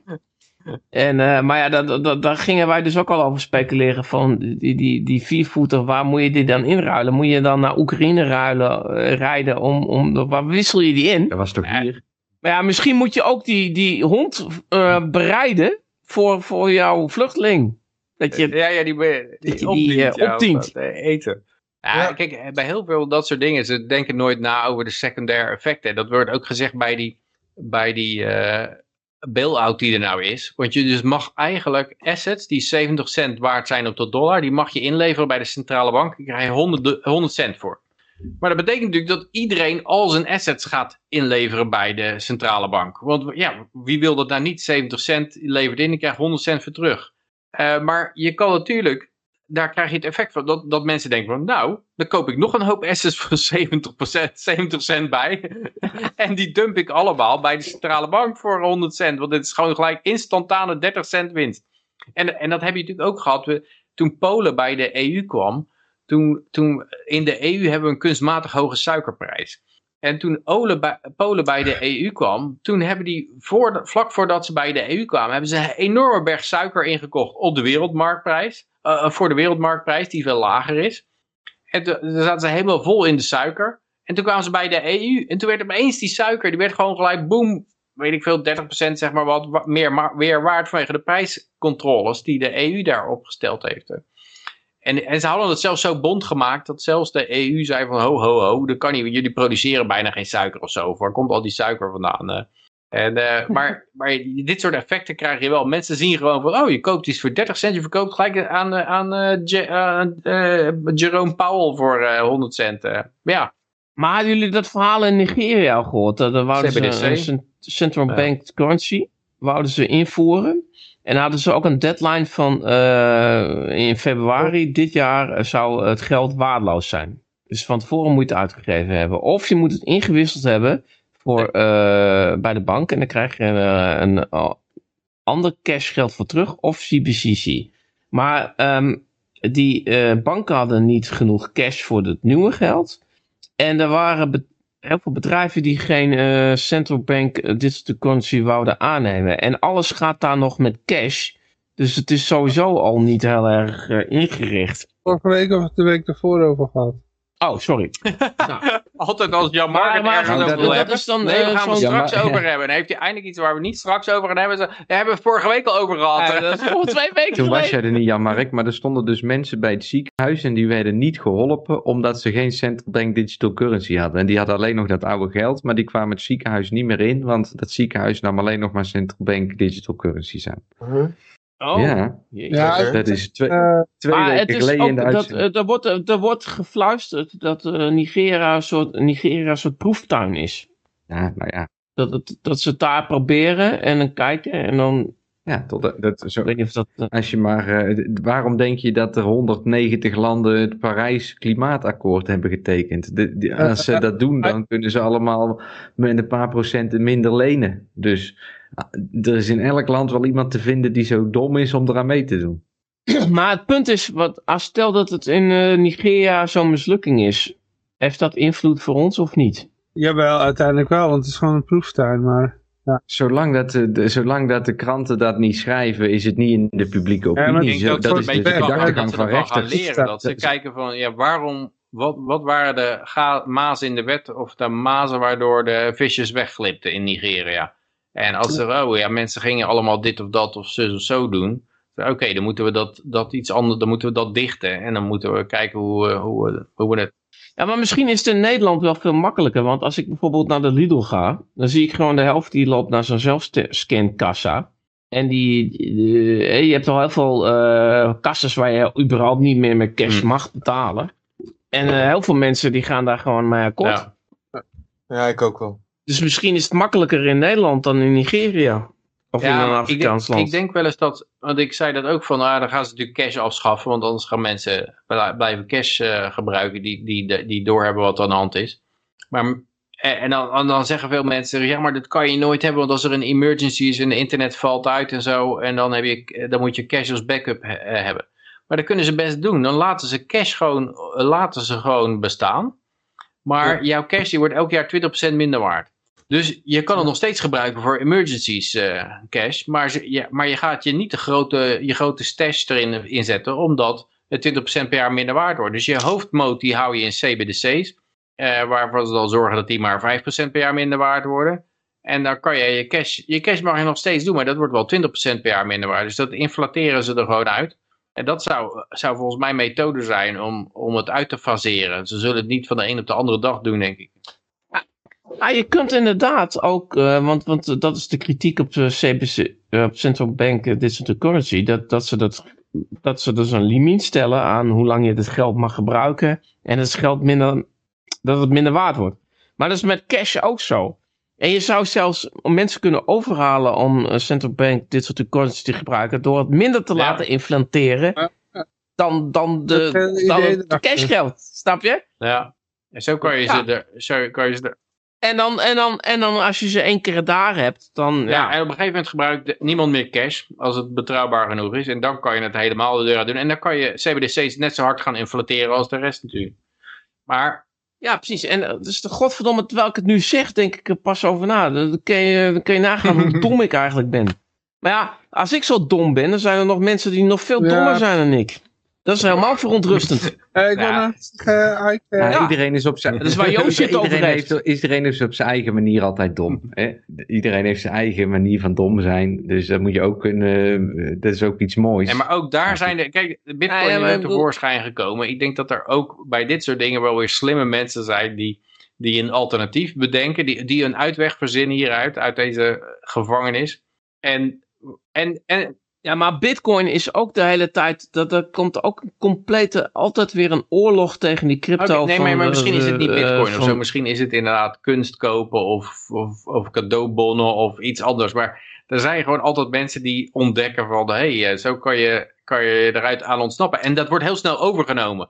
Want die zeggen dat, ah, weet je wat je moet doen? Je moet gewoon eh, mediamarktbonnen nemen of zo. En die kan je gewoon eh, weer doorverkopen. En dan eh, kan, je, eh, en- kan je daar je waarde in vastleggen of zo. Of, of wat zijn in, in, in Afrika hadden ze beltegoed hadden ze gewoon het beltegoed. En dan kon je de beltegoed kon je iemand anders geven. En, en dat werd gewoon een betaalmiddel. Niet om, om mee te bellen. Maar en ik denk dat de overheid gewoon altijd te laat is om dat soort dingen. eh, ze, ze overzien niet de gevolgen van hun digitale gevangenis. Die ze, Ah, dat is trouwens wel geniaal, inderdaad. Dat Ja. is wel geniaal. ja, wat ga je dan doen als beltegoed, overheid? Beltegoed eh, afschaffen of zo? Of mag dat niet meer? Of mag je maximaal hoeveelheid Nee, maar- beltegoed hebben? Of, Nee, wat, eh, je kan het nou waarschijnlijk niet meer van de ene naar de andere transferen. Zeg. Of hoe zeg je dat? ja, Overmaken. natuurlijk komt er altijd weer een tegen.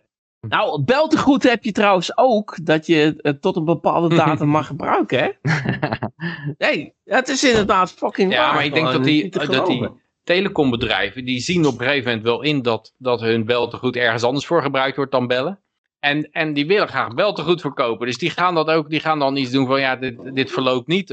En dat beltegoed Ja. wordt meer waard. En ik weet wel, Nee, een vriend nee, van mij die zat in Brazilië en toen zei hij, ja, nou, toen ten tijde van de grote inflatie daar. En die zei, mensen gebruikten busmuntjes, want dat was altijd een busrit waard.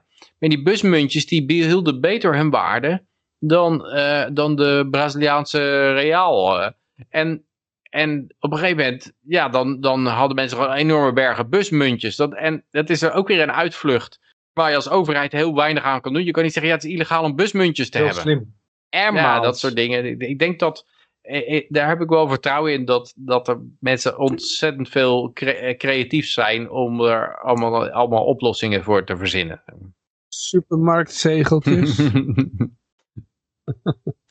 maar eh, Maar trouwens, ik, weet je, bij de Lidl, hè, dat staat, dat, dat hebben ze bij mij, ik weet niet of het bij jullie is, daar hebben ze een lint gespannen buiten de deur. En dan moeten Ja, die ja. kinderen achterblijven. Want die kinderen die zijn de hele dag aan het fucking bedelen voor die, ehm, voor die, beestjes, die knuffeltjes, knuffeldieren. knuffeldieren. Maar weet je, ik zat een keer op de bank en ik was half in slaap. En ik, ik hoorde dat liedje van die, van die Lilou. En eh spaar ze allemaal. En toen zag ik zo'n zo'n zo'n eh, LGHTBQ eh, vlinder voorbij komen.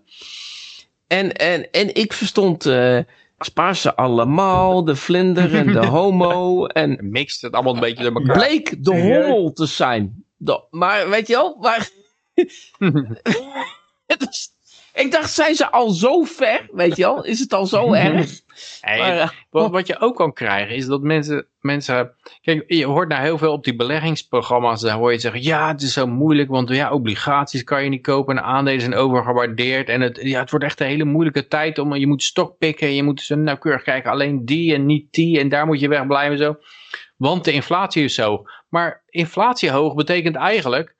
Het vlees wordt duurder, eh, het eh, brood wordt duurder. eh. dus eigenlijk waar je in moet beleggen is gewoon wat in prijs omhoog gaat. Dus je moet gewoon bakken met voedsel inslaan en, en spullen. Ik, ik ken, ik heb een collega die een hele hoop gereedschap koopt. Die heeft, die heeft allemaal gereedschap. Dus een cirkelzaag en een verstekzaag. En die heeft... Ian Mark begint ook al kaas te eten. Dit is gewoon aanstekelijk dit. Ah. Maar, jongens, er was van ons in de chat gezegd. Het punt is alleen, eh, Peter, dat je op een gegeven moment...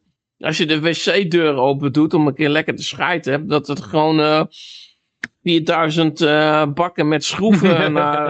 eh, je wel? Oh. Ja, je moet een beetje en schoonmaakmiddelen kan je ook, dat zijn lang houdbaar, dus je kan ze heel lang wel ervoor inslaan. Tandpasta, je kan gewoon al tandpasta voor de rest van je leven kopen. Ja, weet je, ik heb het geprobeerd met luxnootjes. Ik heb het verhaal ja, heel ik vaak weet verteld. whisky. Het is inderdaad, eh, Maar het probleem was dat ik op een gegeven moment zes pakjes luxe nootjes aan het vreten was elke je dag. moet iets En, kopen eh, waar ja, je, ze- Dat werd maar gewoon je de moet iets deur kopen waar je uit. zelf geen behoefte aan hebt. Misschien moet ik sigaren gaan kopen of zo. eh. Ik dacht dat het studentenhaven was. ik de vorige niet. keer zei En het- dat- maar die sigaren worden niet oud. Ja, dat zou niet kunnen, oud, dat ze vies worden. Maar die moet je, moet je heel goed bewaren. de, de vorige keer zei je nog dat het Jongens. studentenhaven was, ja Mark. Jongens, Ik heb, eh, Zit ik hier Johan, een desinformatie ik heb hier ethically Johan wordt speaking. een beetje moe. Ik wil, iets, ik wil het zeggen. Ik heb Eh, ethically speaking in de chat en die vraagt zich af of het geen central point of failure wordt als ze met een eh, CBDC gaan komen. En zomaar kijken, die zegt nog, ik heb ook gehoord volgens mij van Arno Wellens dat je subsidies en uitkeringen straks alleen via de CBC, CBDC kan ontvangen. En, en Ja. dat, Dat is Lijkt inderdaad. Eike, Eike had ook nog wat. Als ik zeg van eh, alles, alle toeslagen alleen nog via CBDC, nou dan moet je eens kijken hoeveel mensen dat er zich aanmelden. Oh ja, op YouTube. Maar dat zijn, daar staat een wietplant voor, dat kan ik zo niet lezen. Even kijken. Er was een tijdje terug in de VS eh, de prijs die de overheid bood voor 3D geprinte geweren. Die was hoger dan de prijs om ze te printen. En toen waren er sommige mensen die gingen dus allemaal 3D-geweertjes printen en met tegen een hoger bedrag verkopen aan de overheid. We hadden ook nog berichten. We zijn nog niet eens op de helft. Dus 200 Duitse journalisten betaald door overheid. ja, ja, in Nederland is dat natuurlijk niet zo, hè? En dit is ook, Dat vind ik altijd zo mooi aan die... Aan die dus dit is dan de Telegraaf. Ja. En die mogen hierover berichten. Ja. Want dit valt buiten, dit, dit, dit buiten hun controle. Zo van, eh, ja nee, maar dit is Duitsland. Hè. Dat zou in Nederland nooit gebeuren. En, en dat doen ze dan wel. Ik vraag me ook af of, of dan, eh, waarschijnlijk is het andersom ook. Als wij iets willen weten over, over Nederland, dan moeten we gewoon eh, de Duitse pers, dan komen de schandalen van Nederland komen boven. Eh, En mogen ze over berichten. Ja. Ja. Ja, je, je eigen propaganda wordt, wordt gewoon betaald met afgepest geld. Van jou, je wordt Ja. afgepest. hè, ja, we hadden een keer, eh, ja, Jurien die had dat een keer doorgestuurd. eh bericht uit Australië over het schandalen waar dus eh, Rutte bij betrokken was. Die in Nederland Ja, dat heb ik ook gezien. werd, Ja, Sky, News Radio. Huh? Een eh, World Economic Forum puppet werd hij genoemd. Ja, Ja. ja, maar lo- los daarvan. Er was, er was een, gewoon een fraudeschandaal. En die linkte gewoon naar de VVD en ook gewoon direct naar eh, Mark Rutte. En daar was in Nederland helemaal niks over, werd niks over verteld. Letterlijk helemaal niks. En in Australië was het gewoon eh, headline nieuws, weet je wel, uh, volpagina nieuws. En er werd gewoon Rutte in eh, ge- genoemd en ge- bij de foto erbij van Rutte. En Ah. ja, weet je wel? En het grappige is ook een keer van, ik heb ook wel eens Australisch nieuws gezien van, ze waren zelf nog een beetje eh, terughoudend over eh, het fascisme in hun eigen land. Ja. Maar dat wisten ze ook heel slim te ontduiken door, ehm, op een gegeven moment was er bij Tucker Carlson, eh, was er een item over Australië, Mhm. dat Australië was eigenlijk een nieuw ehm gevangenen-eiland geworden, een, ehm, weet je wel, prison island. Ja. En eh, mensen mochten een land niet meer uit en in. En het was gewoon compleet fascisme. En dat werd dan gewoon gebracht van... eh, nou, dit is wat het buitenland zegt over ons. En dan hoeven ze het zelf niet te zeggen, weet je wel. En dan, eh, dan konden ze zich daarachter verschuilen van... ehm, nou, wij zeggen het niet. Dit is, eh, Ja. is wat Amerika zegt over... Dat was het Tucker Carlson natuurlijk. Niet heel Amerika. Maar ehm, ja, zo, zo, er zijn een soort regeltjes voor die, ehm, eh, voor die kranten en voor die media. Van, en, en zo kunnen ze toch nog een beetje daaronder uit. Ja, ja. Weet je wel? In Duitsland is het overigens opgelost eh, doordat eh, het de namenlijst van de journalisten die betaald is tot staatsgeheim is verklaard. Oh. En in Tichy's Einblick wordt ook gezegd die Offenlegung der Gehälter, dus de openbaar maken van de salarissen, stuft sie als staatswohlgefährderend ein. staatswohlgefährderend. Prachtig woord gewoon. Staatsgeheim of zo? Dan ben je dus een, maar je bent ook een terrorist. Je, je vecht, je, als, je, het- als je probeert openbaar te maken. Als het Ja. ware. Dat Een is niet goed voor de staatswoor. Dus dan weet je wel waar de belangen liggen. Die liggen niet bij eh, de mensen, maar die liggen gewoon bij eh, de heersers. Kijk, in Nederland hebben we nog gewoon gehad dat, ehm, dat die influencers, daar, daarvan is wel op straat gekomen bij de WOP-verzoeken van ehm, die er 65.000 euro gekregen en die een ton. Ja, goed. ehm, Je, je kregen dan? dus- 70 dan- miljard euro per jaar aan de, aan de publieke omroep. Hè? Dus dat is gewoon één grote lump sum van corruptie die daar vanuit de heersers richting de publieke omroep gaan. Dus ja, ja, misschien is, ja. die, is dat van die Ah, journalisten miljard, is dat wel gewoon klein bier. Wat is het? 5, nog wat miljard?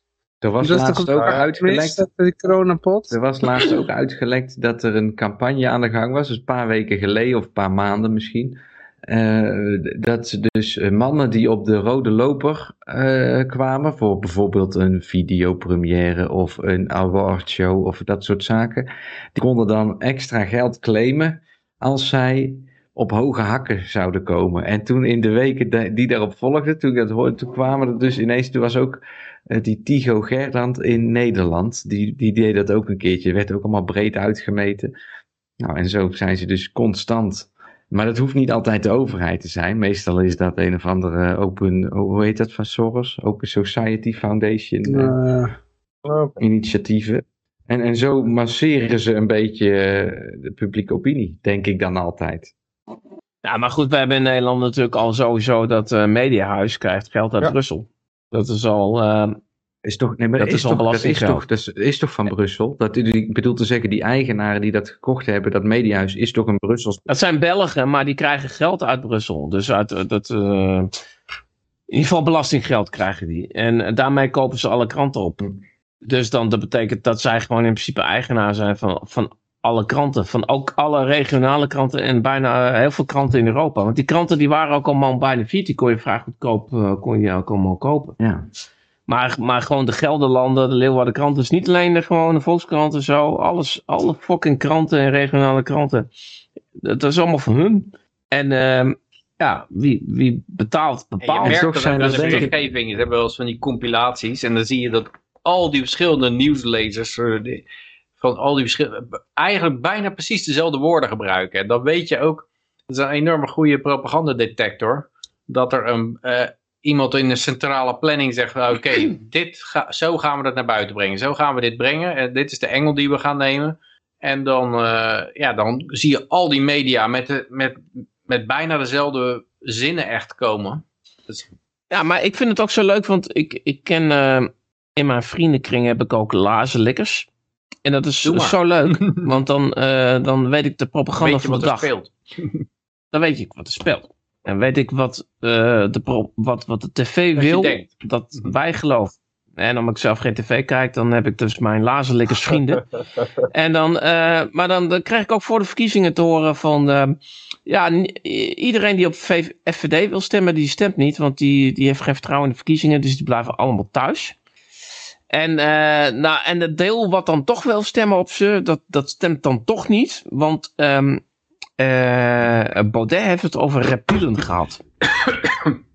nou, ik, ik denk dat als ik op straat ga, van, eh, eh, ik ga mensen interviewen van wat, wat, wat zijn jullie problemen? Noemen ze de tien ergste problemen. Dan reptielen staat er niet tussen. Nee, nee, nee, maar dat is niet waar. dat is niet waar, want zo- zo bel ik mijn oma op. En die zegt ook tegen mij van ja, ik kan niet op die Baudet stemmen, want die heeft het over reptielen gehad. Dus Ja, maar had hij, had hij anders op Baudet gestemd? nee, maar ik bedoel alleen maar te zeggen, omdat zij via de media, Nee, die kranten, dat, die allemaal zijn mensen die zijn. sowieso niet op Baudet zouden stemmen. Dus Baudet verliest geen stemmen door reptielen. Want die, die, die, die Lazelikker, die stemt SP. En het, is, het leuke is ook nog, want hij is voetbalfan. Nee, maar nou, wacht En, even, eh, want, en- want vier jaar geleden, toen hadden dus al die lazerlikkers, die kregen toen te horen, ze moeten nou op, op Baudet stemmen. En toen hebben een heleboel van die mensen, jawel, want daarom zijn ze zo groot geweest. Want, eh, jawel, Nee. want toen hadden ze het mee, toen kregen ze diezelfde te- de- de media die ze nou tegen Dat is niet waar, want die, lui die stemden toen ook SP. Nee, En die hadden toen eigenlijk nog meer reden om SP te stemmen dan nu. Want, want eh, die Lazelikker vriend van mij, die zat maar te klagen dat hij niet naar het voetballen kon. Want eh, er er was een eh, lockdown, een avondklok. En hij had, had zich speciaal laten injecteren, terwijl die, hij, eh, hij wou zich niet laten injecteren, maar hij, hij had zich speciaal laten in- in- injecteren voor het voetbal. En hij zei van, nou ja, als ik, als ik dood ga, ga ik dood, want ik wil graag naar het voetbal. En eh, misschien ga ik er dood aan, maar als ik het overleef, dan kan ik lekker naar het voetbal. Toen gingen toch nog die stadions dicht. Dus toen, toen, toen had hij zich vol laten spuiten. Hij heeft het wel overleefd. Hij was wel flink ziek, maar hij heeft Omdat het hij dat overleefd. zei, en toen gingen de stadions dicht. omdat hij dat gezegd heeft. Anders dan eh, zijn vriend die naast hem zat elke keer, die is wel overleden. Eh, nee, maar zijn vriendin was wel bewusteloos gevallen. Oh, Serieus. Die zijn vriendin was bewusteloos eh, gevallen. Schouder uit de kom, de hele kutzooi. En en, ja, maar hij had het, hij had het overleefd. En eh, die vriendin ook uiteindelijk wel. Maar eh, nou, die is wel gehandicapt nu. Maar die, die, die leeft nog wel. En, eh, maar die, die partij van hem heeft hem gewoon in een fucking lockdown en een fucking avondklok gezet. En hij stemt gewoon op die partij. weer. Weet je wel? Ja. Ja, weer. Ja. Maar eh, hij stemde toen ook al. Hij stemde toen ook niet FVD, snap je? Maar hij, hij komt met dat verhaal. maar dat zijn dus de mensen die deze die door Brussel gekochte kranten iedere dag en die hebben dat nodig in hun systeem van leven. Want zo zijn ze opgegroeid en dat is ze aangeleerd en dat, dat is hun patroon iedere dag. En, en ja, Ja, maar ik hoor, eh, ik hoor de laatste Maar ik geloof, collega's zeggen... en ik die- geloof er geen reet van dat er, dat er nu minder mensen op de eh, FVD hebben gestemd Ja, dan toen. nee. Ik denk dat Ik het gewoon is. die Baudet heeft er gewoon een potje van gemaakt. En Hoe dan? Hoe door- dan? Ja, met name door de dingen die hij zegt, die worden opgenomen voor een camera, wat vervolgens op de tv wordt uitgezonden, waarna iedereen er grapjes over gaat maken en het in een verkeerde context plaatst. Alleen dat is wel de realiteit en daar had hij gewoon wel rekening mee moeten houden. Toen hij Die mensen die op hem stemmen, die, die vertrouwen de hele fucking tv niet meer. Maar zo, dat zijn dus heel weinig Nee, mensen. maar dat zijn echt een- heel weinig mensen. Er zijn helemaal Ja, niet ik mensen. hoorde, wel. ik hoorde eh, collega's die zeiden tegen me van, nou, maar stemmen helpt echt wel. Want als je met z'n allen op eh, V- FVD stemt, dan, eh, dan gebeurt er, dan, dan gaat het veranderen. Ja. Maar ik heb zoiets van, ja, volgens mij, dat is het idee dat de, dat de stemmer een keuze maakt en daarmee de eh, eh, regering kiest. Maar de regering vertelt in feite waar mensen op moeten stemmen. Oh, Want die, die, die kunnen via hun, eh, hun spreekbuis media, kunnen ze gewoon dingen uit hun context halen en eh geïsoleren. En dan, dan gaat 99% van de mensen denkt waarschijnlijk van, eh, nou, die is niet goed bij zijn hoofd, daar moet je niet op stemmen. Ja. Dus eigenlijk betaalt, Nee, bepaalt de overheid waar je op stemt. Ja, maar luister, hoe sceptisch mensen zijn, dan moet je kijken naar andere dingen. En dan moet je niet kijken... Je, bijvoorbeeld in Amerika heb je CNN. Dat is alleen maar propaganda. Kijken minder dan een miljoen mensen nog maar naar. Van de 330 miljoen mensen. Ja, en de, Als je NOS, kijkt naar- en de NOS die kijkt er ook naar en die vertelt het weer aan de Nederlanders hoe Ah, dat begrijp ik, begrijp ik. Maar als je bijvoorbeeld kijkt naar eh, eh, die vaccin-ellende. Op dit moment, 30% laat zichzelf of hun kinderen niet meer vaccineren. En dan praat ik over echte vaccins. Dus ook polio, echte, gewoon traditionele vaccins. Omdat ze vertrouwen het allemaal niet meer. Nou, dat zijn dus de echte cijfers. Dat zijn dus gewoon de, de echte realiteitscijfers. Dus de mensen die, die gewoon zo sceptisch zijn dat ze de hele fucking overheid en die fucking tv helemaal en die media niet meer vertrouwen. Want als jij de keuze maakt om jezelf niet eens meer te vaccineren met een traditioneel vaccin tegen polio en je kinderen niet meer, dat zijn de echte cijfers. Dus waar het om gaat, van, je kunt wel een, een, een, een, een nieuwsuur hebben die zegt van, ehm, eh, er stemt niet meer, niemand meer op FVD, want eh Baudet heeft het gehad over reptielen. Dat zijn mensen die sowieso al Nee. niet op die cup, die, of cuppartijen, ik zeg maar normaal als ik kans heb op libertair, maar dat zijn sowieso mensen die niet op die partij al Er zijn. heeft toch ook niemand op hun gestemd, toch? Hey, Klaas. hey, goeiedag. Ik zag wel een interessante infograph. En dat is waar de mensen die de vorige keer op FVD hebben gestemd, waar die nu op hebben gestemd. En het grootste deel van die stemmers, iets van 40%, is gewoon niet meer gaan stemmen. En eh, dat kan gewoon betekenen dat ze zo extreem teleurgesteld zijn in eh, gewoon sowieso de hele de regering. Maar ook de FVD, dat ze gewoon denken van het maakt allemaal geen reet meer uit. Ik trek me terug uit eh, de, de stem. eh, Hey, Klaas, Ook daar. Jan Mark die gelooft het allemaal Nou niet. ja, weet je wat het is? Ik was bij het stembureau. Ik heb het nog nooit zo druk gezien. Ik heb nooit zulke lange rijen gezien. En ik heb ook met andere mensen gesproken die op andere dagdelen kwamen. Ik heb het nog nooit zo druk gezien. Nooit zo druk. Die, die Allemaal moesten allemaal hun handen wassen voordat ze naar binnen mochten.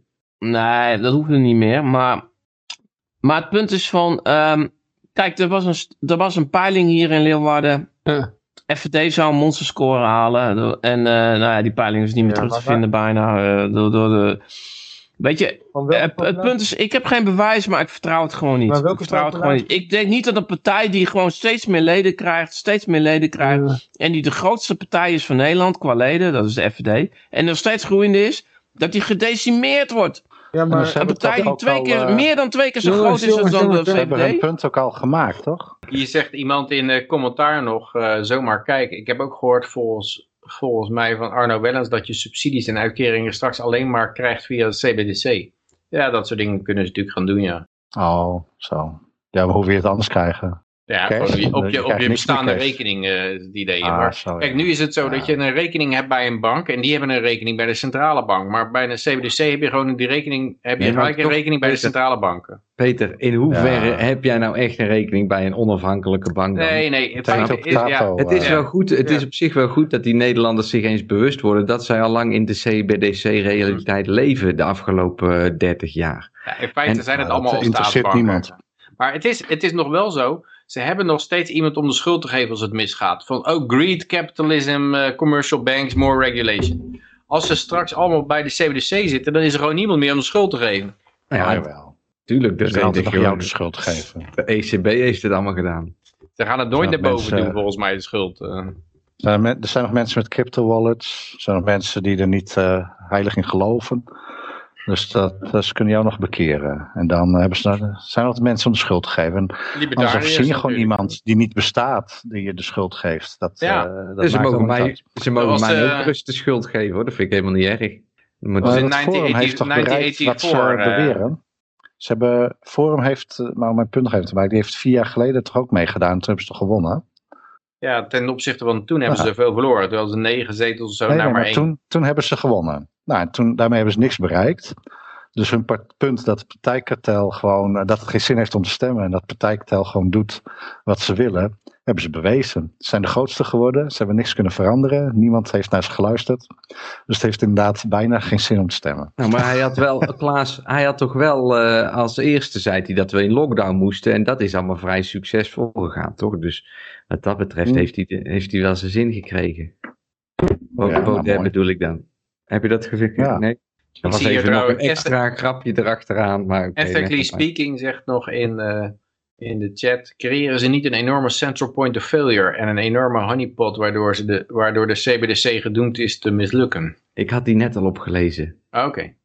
Maar als, als het inderdaad, als het nep is, als het nep is die uitslagen, dan wordt het alleen maar erger waarschijnlijk. Dan gaan mensen steeds meer denken van nou, eh, eerst was ik nog bang gemaakt dat eh FVD en Berg fascisten waren en ik durfde niet op te stemmen als puntje bij paaltje kwam.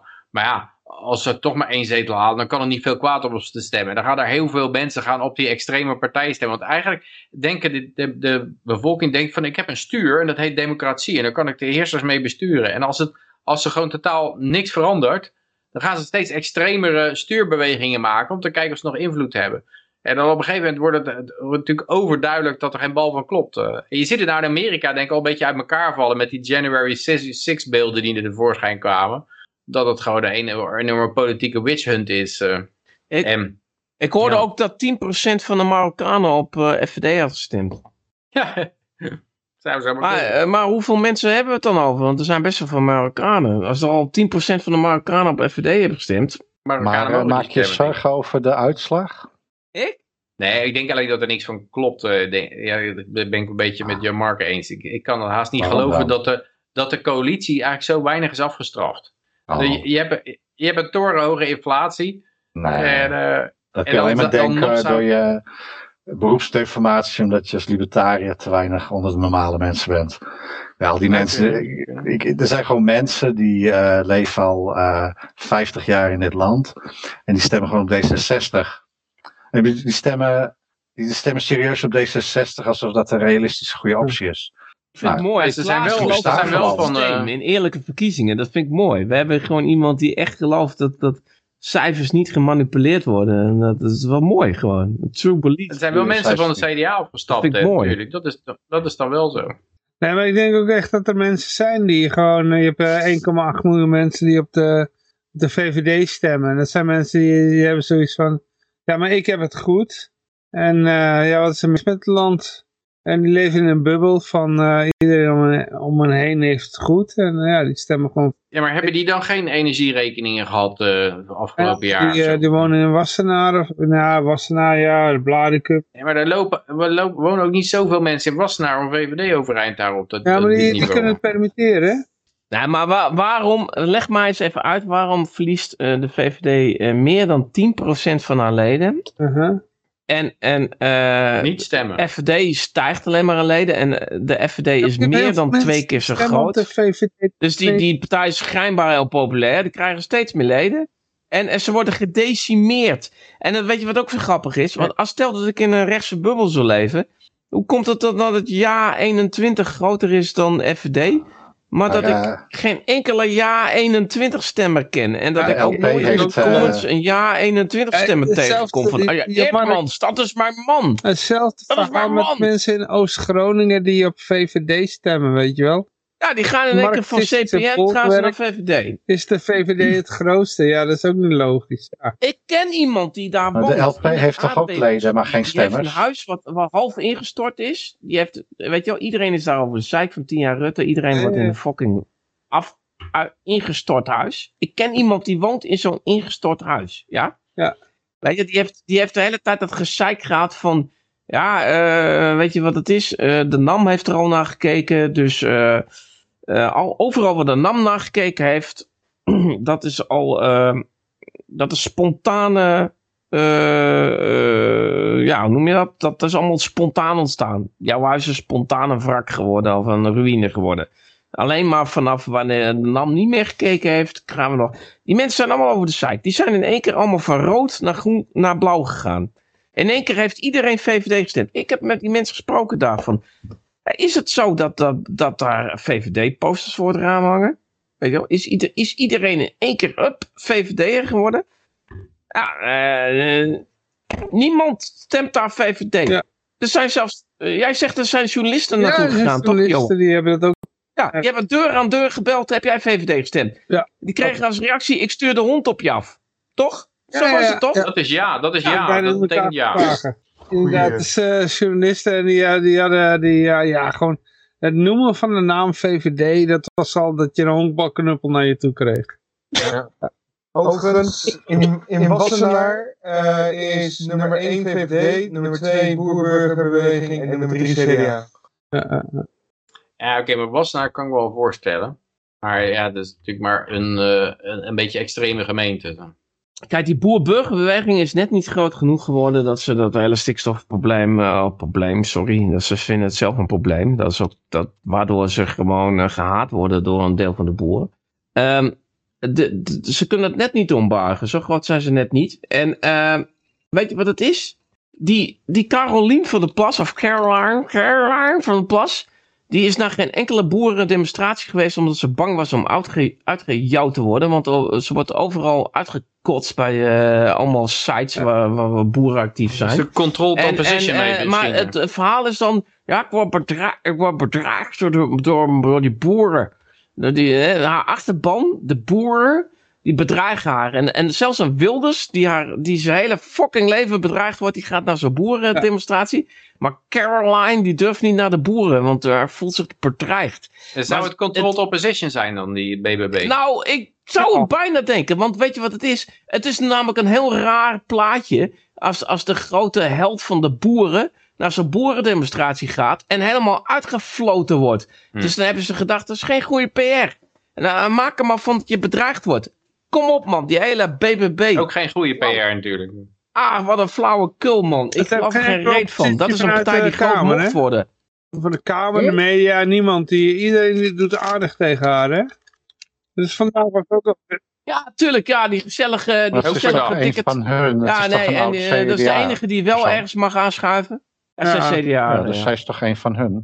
Dus het is gewoon CDA 2.0. en net waar we als het over CDA. VVD. Ja, CDA gaat kapot, komt er een nieuw CDA. Eh, het CDA is dood, lang leven Ja, het CDA. VVD, nieuwe CDA. dus eh, ja, het is helemaal goed. We hadden nog een aantal berichten. Nou, Nou, wat, eh, wat voor Hadden dingen hadden jullie trouwens in jullie eh, provincie als eh, belangrijk thema's? Wij hadden, geen idee, ik heb niet ik, had, ik heb de kieswijze voor Leeuwarden of Friesland gedaan. En er was een van de vragen over de wolf. Dus we moesten ook een mening hebben over de wolf. Dat vond ik wel frappant, want eh, kennelijk eh, heb je dus eh, ruimte om na te denken over de wolf. Terwijl als ik in Friesland een platteland loop, ik kan niet eens een kevertje of een bij vinden. Dus waarom maken we ons zorgen over die wolf? Er is hier, het is een groene woestijn waar niks leeft. Welke mensen zijn in hun beleving bezig met die wolf? Wat zijn het voor mensen? Dat ze daar überhaupt over nadenken of een mening over moeten hebben. En het heeft niks met die wolf te maken. Ik De wil weten, wat FNP was voor de wolf, dat weet ik wel. ik kan, kan je ook geen antwoord geven. Ja, Ja, ik, jullie- zoiets als een wolf, dat is typisch iets waar, waar mensen, eh, ja, van die nep-onderwerpen, waar, waar mensen zich heel druk over, van, ja, dit is een beetje een, beetje een soort eh, autistische afleiding is het volgens mij. Je gaat, je gaat in de media een of ander issue, non-issue heel erg opspelen, en daar, daar gaat het dan over. Terwijl, terwijl eh, het echte issues, die blijven buiten schot dan. Ja, ik kan me trouwens ook niet voorstellen, weet je wel, als we het nou over echte issues hebben, hè, die, die, die, Wat wet, die issue? permanente coronawet. Dan gaat het erom dat er gewoon eh, een minister gewoon kan zeggen, hup, iedereen is eh, gedetineerd. Ja. Iedereen zit in een avondklok. We zijn Om allemaal maar een echte gedetineerd. issue te noemen. Ja, dat is een issue, hè, dat je gedetineerd bent. Nou, eh er moeten toch mensen zijn die zeggen van, ja, maar ik wil helemaal niet gedetineerd zijn. En mijn gezin, en mijn vrienden, en mijn familie. En, en, en, en, dan, en dan heb je jij een maar die dan van wolf? negen naar één zetel gaat. Nou, dat geloof ik niet. Er moeten toch mensen zijn die zeggen, een avondklok is kut. Dat moet toch gewoon, die mensen moeten toch leven. Maar- Die zeggen van, ik vind het kut in een avondklok. Maar je hebt eh, zeg maar eh, de afgelopen jaren niet meegekregen dat Vorm van Democratie gewoon is neergezet als compleet idioten. Ja, maar dat toch zijn... verwacht je ja, dat er dat nog heel veel mensen op Dat is stemmen. toch gewoon, dat is precies die club die er toch niet op stemt. Die, die club Nee, die, die gewoon, jij, heb jij niet meegekregen dat er een dat, hele hoop eh, mensen gewoon sceptisch zijn geworden naar de NOS toe en naar Ja. de NPO? Heb jij Ja, dat niet wel, Maar de meegekregen? LP, de LP is soms eh, heel redelijk met verstand, zeg maar. En daar stemmen 5000 mensen op. Dus je kunt wel het idee hebben dat, jij, dat er iemand is of een partij die veel stemmen verdient. Omdat je op een of andere manier het idee van hebt dat dat eh, redelijk is. Maar eh, Dat, zo werkt dat gewoon niet. Ja, maar Dat ik, ik, het verschil er tussen jou en mij is dat jij een blind vertrouwen hebt in die, eh, in die verkiezingsuitslagen en dat stemmen. Nee, jij, jij, jij framet mij wel vaker door dingen voor mij in te vullen. Dat heb ik helemaal niet. Ik heb helemaal niet het gevoel dat er iets vertrouwen is. Ik denk dat jij gewoon een irreëel beeld hebt van wat een vorm van democratie kan bereiken. Er is misschien in het verleden is daar eh, wat ophef en wat stemmers zijn ervoor geweest. Maar de, de mens, zeg maar, die gewoon nu nog zonder blozen en zonder traantje op D66 stemt of op de VVD, die bestaan gewoon. En daar zijn er tien, honderd keer zoveel meer van Ja, maar als mensen die jij weet zoals jij. gewoon, dit, dit zijn gewoon feiten. Die, dit, het zijn gewoon feiten dat er een leegloop is bij die partijen. Gewoon dat die leden, er gaat gewoon met 18%, 18% naar beneden. Die partij is de grootste partij van Nederland. Nee, maar dat- bij dat far groeien, de dat is partij van fringe. Nederland. Politieke Nee, nee. partijdeelname is altijd fringe geweest. Net zoiets als eh, een ja. aantal mensen. De, de LP heeft leden en die hebben nul stemmen. Dus Ja, dat, ja. dat ledenaantal van een partij, daar kun je helemaal De niks LP mee. Dat heeft zijn ook geen eh, een 61.000 A-selecte, leden. Hele, De LP heeft geen 61.000 leden. nee, maar dat Dus we 61, praten dat hier over een partij die gewoon gewoon niks. meer dan twee keer zo groot is dan de VVD. En die heeft één zetel. maakt niet Houd toch op, man. Nee, nee, dat Nee, maakt echt nee. niet uit. Ja, maar kijk, nee. eh, wacht even. Je moet, je moet eh, zeker een half miljoen stemmen hebben om een zetel te hebben. Ja, In, ja. het, in, de, in de Eerste Kamer. Oké. Ja, Of die, sowieso, die ja, ja. mensen die, eh, die Amerika. mensen die nu gewoon de vorm zien als een idiotenpartij, die, gewoon, die, die, benoemen, die benoemen dat ook als een partij die de afgelopen vier jaar is afgegleden naar eh, idioterie. Dat zijn 99 van 100 mensen. Die, die paar mensen waar jij denkt dat, waar er veel meer van zijn, die, eh, die zijn er niet. Ja, dat weet ik wel. En daar, ik, ik, stem ook, ik stem daarom ook uh, Libertaire Partij. Maar, eh, eh, maar ze zijn nooit echt voor de V- eh, VV FVD geweest. Gewoon, ik vond hem toen dat, we- dat heftiger we er dan niet uitkomen wat er, wat er aan de hand is. Maar ik denk dat de toekomst wel gaat uitwijzen. En ik vermoed dat dat steeds, steeds duidelijk wordt. Net zoals met die COVID. Dat in het begin is het nog van... Hé, hey, ik vertrouw het niet helemaal. Volgens mij klopt er iets niet. Ah, nee. het is onzin. En langzamerhand wordt het steeds duidelijker... dat het gewoon totale eh, fake is, eh, denk ik. Maar Ja, die Boreale, dat was dan een soort bevestiging dat hij inderdaad... Hij werd de hele tijd al fascist genoemd. En, en dat was, wat was daarvoor was met Jernas al. Dat gedoe met Jernas. Dat weet je Ja, toch ook ja. toch wel? Ja, van die, Dat van was, die toch WhatsApp. godver- dat was godverdomme een neger, notabene. Die moest oprotten, want die was een, eh, was een fascist. Dat zat ervoor nog. Nee, die had toch iets over. eh, die, eh, die had toen toch iets Ja, gezegd over die niet. IQ, eh, de belcurve, toch? Of niet? Dat was toch het, eh, de zonde? Ja, de zonde was dat, dat hij Ja, zei ja. van eh, dat een IQ, e-meting, eh, dat, dat als een groep, dat ging om een grote groep, als, als, als er een hoger IQ was er bij een grote groep, dan had die groep had betere arbeidskansen dan eh, meer kans op succes, meer kans op, op geld verdienen Ja. dan een groep met een lager IQ. En, niet en bij dat de was gewoon Silicon een Valley feit Bank. wat hij Niet bij de. Silicon Valley Bank. Daar heb je, heb je betere kansen als je een retard bent. Dat is het enige wat hij gezegd heeft. Maar toen werd hij helemaal door de mangel Ja, genomen. Hij was, doen. een, hij was een racist. Ja. Want hij, had iets gezegd Terecht. over van... eh, kijk, want in Amerika was het zo. Dan, in Amerika schijnt het zo te zijn. eh, de Aziaten daar, eh, de originele Aziaten... Die, die, die zijn het meest succesvolle in, in het geld verdienen. Ja. Daarna komen de blanken en daarna komen zwarte Amerikanen. Maar het, het, het, het Ja. verhaal was altijd spinning van was zwarte ja. Amerikanen hebben te maken met, Latino's dan, met, met, eh, met racisme. En daarom scoren ze weinig. Maar hij, hij had gezegd Ja, van ja, daar moet je- eh, Daar de- moet je niks met- over met- zeggen. Er is een, een, een eh, relatie tussen IQ en inkomen. Ja. Niet, niet voor één persoon, maar voor een groep. Nee. En, en dat had moet hij je niet mogen zeggen. Nee, terecht. Dus eh, Waarom als je hij die niet buren een lelijk zeggen? kind hebben en je gaat op bezoek bij de buren, dan zeg je ook niet dat kind is lelijk. Dan zeg je gewoon, oh wat een lief kind. Dus als je dan de persoon bent die zegt, ja je kind is lelijk, ja dat is terecht, dan moet je opstappen. Zo werkt dat in een samenleving. Dus dat is niet heel raar. Ja, maar hij had het niet En- over en- een en het- individu het had met een doel. Hij had het over een, eh, Nee, een nee, dat groep. weet ik wel. Nou, precies. Dat is precies hetzelfde. Dus het is totaal zinloos om het uit te spreken. En als je het wel doet, eh, geef je aan dat je weg moet. Dat je niet meedoet met de rest van de mensen. Nou, dat is zo. Als hij mee had willen doen met de rest van de mensen, had hij dat niet daarover moeten praten. Want er zijn genoeg andere dingen waar je over kunt praten. En je kunt datzelfde ook zeggen zonder het op een manier te zeggen dat je weg moet. Dus dat is helemaal aan hemzelf te wijten. Maar Is dit, is dit, is Ja, dit eh, niet- grappig bedoeld, eh Klaas? Nee, nee, nee, dat is gewoon hoe het werkt. Dat, dat, zo werkt de maatschappij toch? Ja, die libertariërs, dat is één op de 10.000. Mensen die er zo over denken als jij, die bestaan bijna niet. Je kan een hele dag door de stad tegen duizend mensen aanbotsen. En dan bots je er niet tegen één aan die er zo over denkt als jij. Al die andere mensen, die stemmen allemaal D66, VVD. Die, die, worden, die worden jaar in jaar uit genaaid.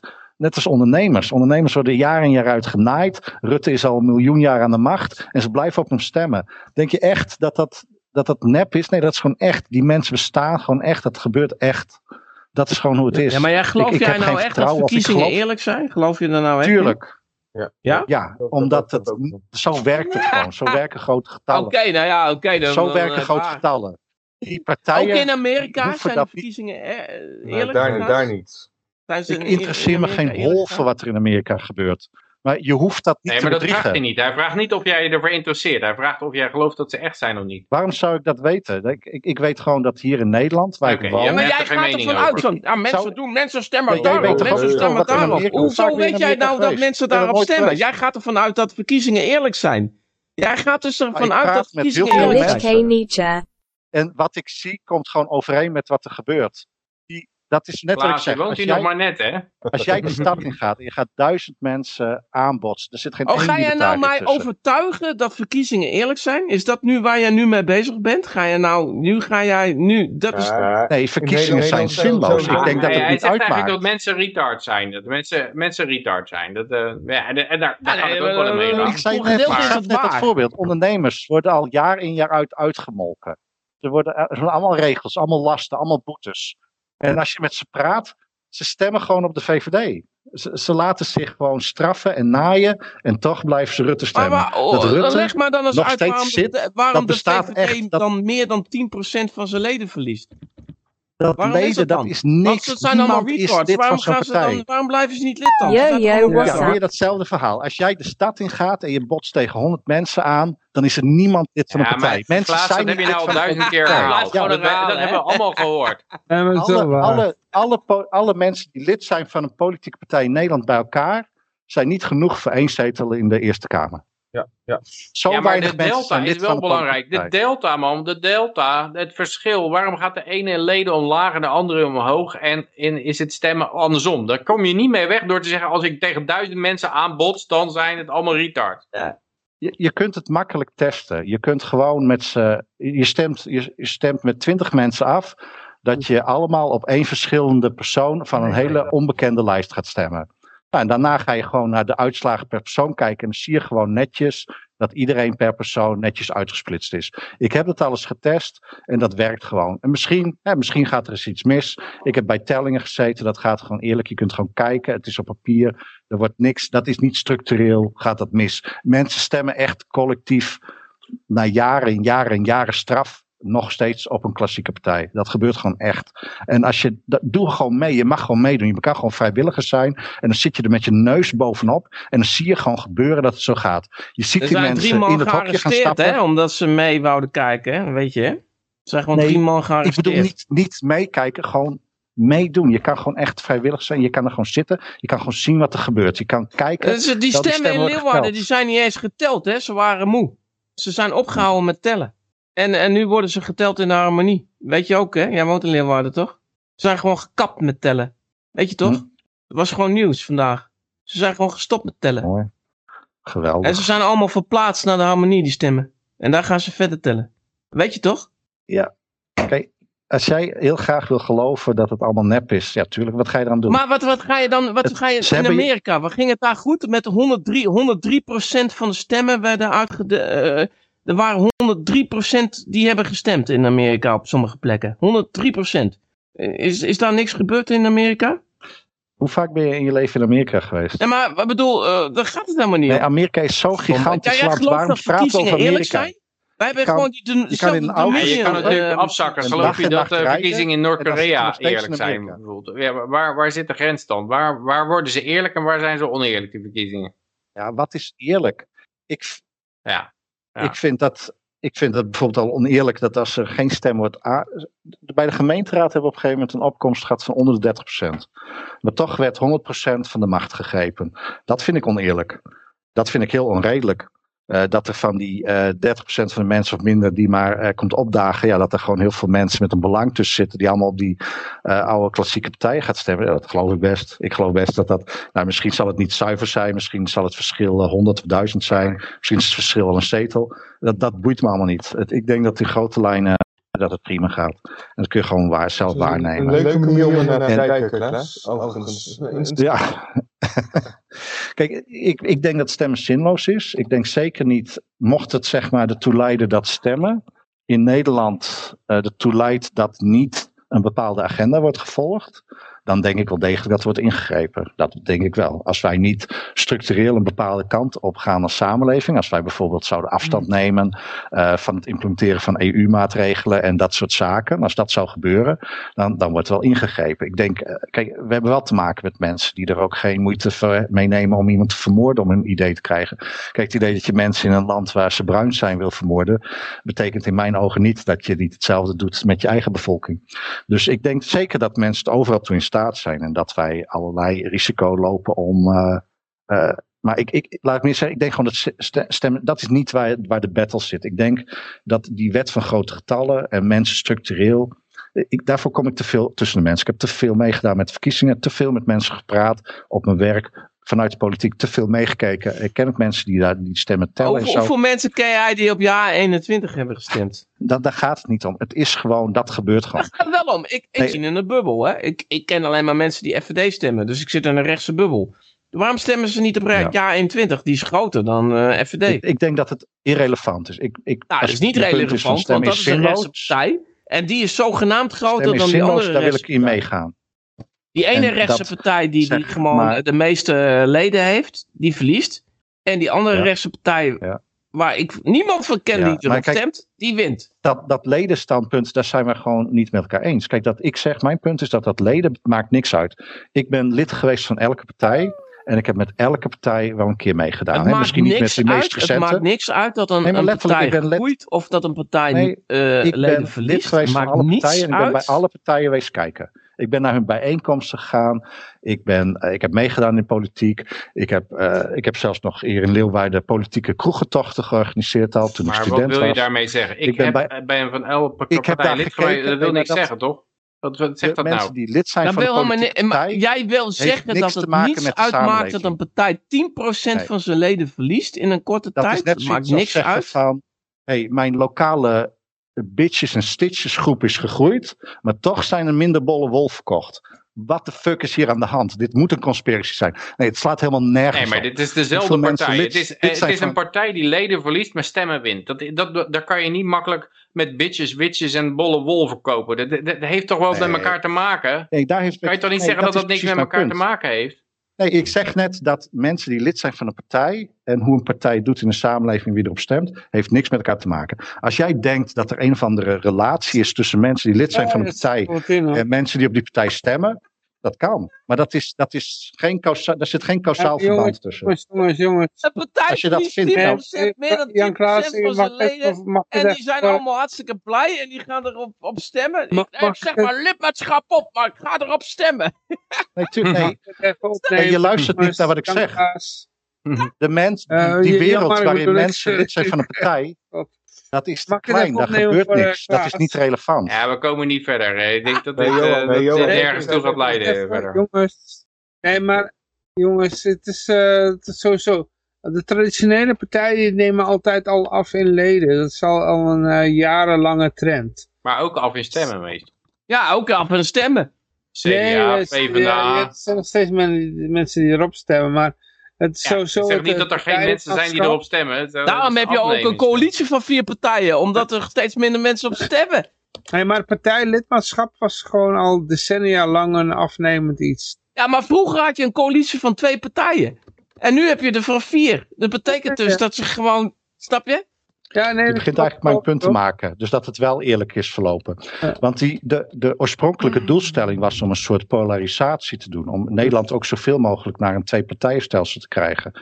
En dat, is, en dat is duidelijk uit handen gegeven. En ja, dan is jouw punt dus dat ze en invloed hebben op het stemmen. Maar ook dat ze hun kroonjuweel, het, zeg maar, het zoveel mogelijk naar een twee-partijstelsel gaan, hebben opgegeven. En dat ze dat gewoon hebben opgegeven aan een grote versnippering. Nee, ik, ik, ik, ik, het is niet zo. Eh, Ik, ik, ik denk dat er heel veel strijden te winnen zijn op het gebied van wat, eh, hoe zinloos verkiezingen zijn en op welke manier de macht wordt gegeven. Maar eh, ja, ik denk niet dat je je battlefield moet kiezen op of die stemmen wel goed zijn geteld. Ik denk niet dat het daar zit. Hè, misschien dat het wel gaat komen. En ik ben ook zeker van mening dat als wij als land structureel zouden gaan afwijken van de internationale agenda, dan zouden ze ook zeker worden ingegrepen. En, eh, maar niet op deze manier. Kijk, Nederland is wel echt afgegleden. Ja, want ik ben er zes jaar weg geweest Nederland. En het is wel echt veel slechter geworden in de afgelopen zes jaar. Het is duurder, betuttelender. En nee, het, en ik, er zijn ook mensen die zijn echt bezig met de deconstructie van Nederland. Dus je mag niet. Ik, ik vind prima als boeren vrijwillig willen stoppen. Maar het is de bedoeling, je mag hier geen industrie hebben. En je, we moeten eigenlijk ook niet ons eigen voedsel verbouwen. Dus we moeten eigenlijk naar een soort toekomst toe dat als er een keer eh, niemand meer zin heeft om naar Nederland te varen, want we produceren toch niks wat de moeite is om op te halen, omdat we geen industrie mogen hebben. By the way, by the way punten hebben we nog, eh, Johan. Johan. Twee, twee, ik wil onderhand wel gaan, tukken. Ja, we hebben heel veel berichten nog, maar daar gaan we niet aan toekomen meer. En ik heb de wiel hier al klaar zitten, dus ik ga even aan het eh, rad draaien. En dan kijk ik maar even hoe ver we met de berichten komen, want de rest eh, voor de vuilnisbak. Ik kan er met 30 seconden per bericht doorheen, denk ik. Ja, ik, ik, ik ga nu even aan het rad draaien, dus eh hoppakee, daar komt hij hoor. Spin, Oh, shit. drie en eh hoppakee. Volgens mij, oh, ik zag niet goed, maar het leek wel een staatsvijand, maar... eh, Misschien moet je, moet je dit sponsoren, dan kun je het de E-gulden show noemen. Ja, E-gulden radio. Nou ja, ik heb al een keer voorgesteld om met een e-gulden gitaar te spelen, maar de- je had al iemand die dat al een keer gedaan had, hè? E-gitaar. Een elektrische gitaar. Nou, ik zou eerst een keer eh, naar Amerika gaan. Want waarom hebben we het zoveel over Amerika? Wie, wie van jullie eens in Amerika geweest? Ik Ja, ben er al eh, geweest. ik ben er gestudeerd, een half, jaar. Oké, ja, dat is gaaf. Ja, welke libertariër is er nou niet geïnteresseerd in Amerika? Nou, ik. ik in, in, in- geen hol voor Amerika. Maar jongens, eh, gaan we, wil, wil- iemand nog weten wie er gewonnen heeft? Of? Van Ajax, van Ajax Feyenoord? Ja, ik heb vermoeden dat het staatsvijand was. Ik, eh, ik wist niet zeker. Maar ik dacht misschien had iemand het beter gelezen dan ik. Maar, eh. Ik zag het ook, maar ik zag alleen de beginletter S en toen was het alweer weg. maar eh, goed, ja, ik, ik ga het nog even nachecken hoor op de stream. Dus eh, ja. Het was- Het was iets met statie. Volgens mij. ja, kom met de S. Ja, ja altijd, altijd welkom. Ik vind dat Tom nog een keer langs moet komen. Ik, ben, ik ben wel fan geworden van Tom, van eh, Amersfoort van Vrijheid. Hij heeft een hele goede paard. Tom bedoel je, Tom, nu niet van. Eh, van Amersfoort van Vrijheid, dat is toch Tom? Ja, van vorige Oh, week. Tom, die Ja. Tom. Ah, weet je wat het is? eh, van, eh, kijk, ik kan me wel voorstellen dat je misschien iets tegen staking hebt en zo. Maar eh, als je een libertariër bent, dan zou je dus eigenlijk moeten eh, zijn eh, dat de markt gewoon bepaalt wat, Ja, maar dat doet hè, wat, wel. wat, wat, wat Alleen waardevol is. En dan, en Het dan is, het dus- niet. wacht eh, even. Ja, Mark. Er is heel veel geld en dat kan niet vrij bewegen. En dat is bijvoorbeeld jouw pensioenfonds. Ik weet niet of jij ook een pensioenfonds hebt, maar het pensioenfonds van Nederlanders zit achter allerlei barrières van vrijheid. En daar zit allerlei regulering zit daar overheen. En, en wat die mensen van Bitcoin maximalism een beetje willen, is zoveel regulering over Bitcoin heen gooien. Dat op een gegeven moment dat geld van pensioenspaarders er ook in kan stromen. En dat is hun holy grail Ja. waar ze in geloven. En wij gaan het lightning Ja, maar er zit nog een ander dan- punt in. Van, kijk, het punt is van, van Hayek zei, geld moet concurreren. Alles moet concurreren. Dus het moet... Ja, en daar ben ik dan Ja, precies. van. Maar En dan iedereen- is het heel gek, want eh, Tom noemt zichzelf een anarcho-kapitalist. kun- anarcho-kapitalist. Die, die is heel veel voor, voor vrijheid, voor vrije markt. Eh, Dan moet... Ja, maar die, die zit dus in de, in de stroming met dat lightning gebeuren. En die zegt nee, elke altcoin is, is, is, is niet gedecentraliseerd genoeg en bla bla bla. Maar je krijgt alleen decentralisatie door adoptie. En juist doordat zulke mensen de nee zeggen, haakt die adoptie Ja, dus maar af. waarom, waarom is alleen de, Maar je kan nog de- steeds de- nee waarom zou de zeggen, maar- e-gulden wereld- niet gedecentraliseerd, gedecentraliseerd zijn? Maar dan, wij zijn nu. eh, Nou, omdat ik er te veel heb. Omdat ik er, omdat ik er te veel heb. En Yoshi die is eh, veel te belangrijk in de e-gulden, zeggen, zeggen ze dan. Bijvoorbeeld. Ja, maar dat jij er veel hebt, dat betekent ook dat mensen van jou kunnen kopen. En dan wordt het steeds Maar ik neem aan dat Ja. Tom niet voor regulering is tegen, eh, tegen andere altcoins. Eh, misschien ja, is die... eh, Nee, niet, daar is hij zich niet bewust van. Maar doordat hij meegaat in dat Lightning verhaal, is dat wel waar hij op uitkomt. En, en eh, ja, dat, dat, dat probeer ik Ja. hem aan te praten. Maar daar wil hij dus niet op ingaan. En hij had me al een keer Ik denk persoonlijk dat dat hele maximalisme verhaal juist ge- gemaakt is om de bitcoin kapot te maken. Ja. Als, Want sindsdien wordt bitcoin ook niet meer als geld gebruikt. Dat is juist wat die centrale Nee, maar je weer... krijgt dat volgens mij met Ja, maar- mensen. Je krijgt mensen die worden conservatief. Net zoals als je in een bedrijf hebt dat eh, een iPhone maakt of zo. Op een gegeven moment is is, in het begin is het vernieuwend. Aan het eind is het conservatief. Want die mensen zijn allemaal rijk geworden. Die zeggen, nou, je moet niet van de succesformule afwijken. Je moet hierbij blijven, geen millimeter afwijken. Ja, En dat, en dat heb je bij. Bitcoin ook. Er zijn een paar mensen die zijn met Bitcoin heel rijk geworden. En die, die, die zijn dan heel bang dat ze dat weer verliezen of dat er een concurrent is. En, Ja, maar kijk, Peter, Peter, normaal zou het proces later zijn begonnen. Maar ze, hebben, ze weten dat en eh, ze hebben dat verhaal dus gefabriceerd. Om dan meer, eh, dus ze gooien meer olie op dat vuur. Zodat in een, binnen een hele korte tijd mensen al zo denken van... eh, eh, ja, eh, we moeten het vasthouden, want... eh en Waarom hebben we het eigenlijk over bitcoin? Ik vind, ik vind crypto ook heel interessant, maar ze gaan het toch helemaal we hebben nog afleggen. berichten die, door te draaien. die. Ja, die, eh, die pedomunt eh, die veel te veel eh, eh, energie kost. Dat, dat, dat- tegen die framing, daar gaat het bitcoin toch niet winnen. Niemand, eh, in de afgelopen tien jaar heeft nog niemand het als geld kunnen gebruiken. En Ja, dat is niet waar, hè? Dat is niet super waar. eh, dikke framing als eh, fout. Nou, Ja, je dat- kan het wel heel erg framen, maar als je bank ten trekken. onder gaat, als, je, als iedereen zijn bank ten onder gaat, dan denk ik dat het toch heel Ja. snel ophoudt, het framen. ja, Ja, dan eh, doet bitcoin ook Ja, ik denk nu ook wel, als al die banken omvallen, dat mensen meteen denken, oh ja, er was iets van een bitcoin. eh. Nee, nee, Maar- nee, maar er is Nee. ook gewoon een probleem met Bitcoin. Dat het niet Nee. de hele wereld kan bedienen in zijn financiële wensen. Ja, ja, ja. Dat is gewoon het probleem. En, en daarom Nee, als de bank valt, dan is Daarom de is transactiekost van bitcoin zo hoog Ja. dat niemand wat kan doen. Het is, en het, is, het, het gaat alleen maar tegengas krijgen. Niemand, wie, wie van de mensen die beleid bepalen zit in het kamp van de bitcoin? Niemand. Het is gewoon één dikke grote aanval. Het is dat het, eh, eh, het de aard van bitcoin is dat je het vrij moeilijk eh, kunt centraliseren als overheid. Maar aan de andere kant, het de aantal mining pools die zeg maar alles bepalen, die zijn al vrij gecentraliseerd.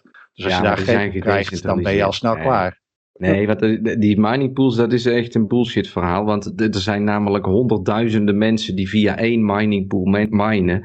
En als die niet eerlijk zou blijken te zijn, dan verhuizen die mensen weer naar een volgende mining pool. Dat is een mooi ideaal verhaal, maar nou, ja, ik, ik, ik, heb, ik vind het prima. Ik vind het heel leuk eh, om die munten te handelen en wat aan te verdienen. Ik vind de technologie ook heel goed bedacht. Het is heel slim. Eh, geen sysblok maken is een hele goede, is een flink staaltje Nou, ik ben het van helemaal kunde. eens, ook Klaas. Maar er, Ik is een leuk er nieuw gebeurt project. absoluut niks in de Bitcoin-wereld die ook maar enigszins tot adoptie gaat leiden. Eh, Ik, ik heb een heel leuk nieuw project in gedachten, Klaas. Daar kun je op Nou. mijn website schulden.nl met SG aan het begin alles over lezen. En ik ga er graag, graag op een ander moment op in. Een soort ik, tijd. ik vind het misschien boeiend, maar er, er gebeurt gewoon niks mee. Eh, Kijk, de Waarom meeste- is het een zijn- pedomunt? Nee, maar dat Mag ik is- dat vragen?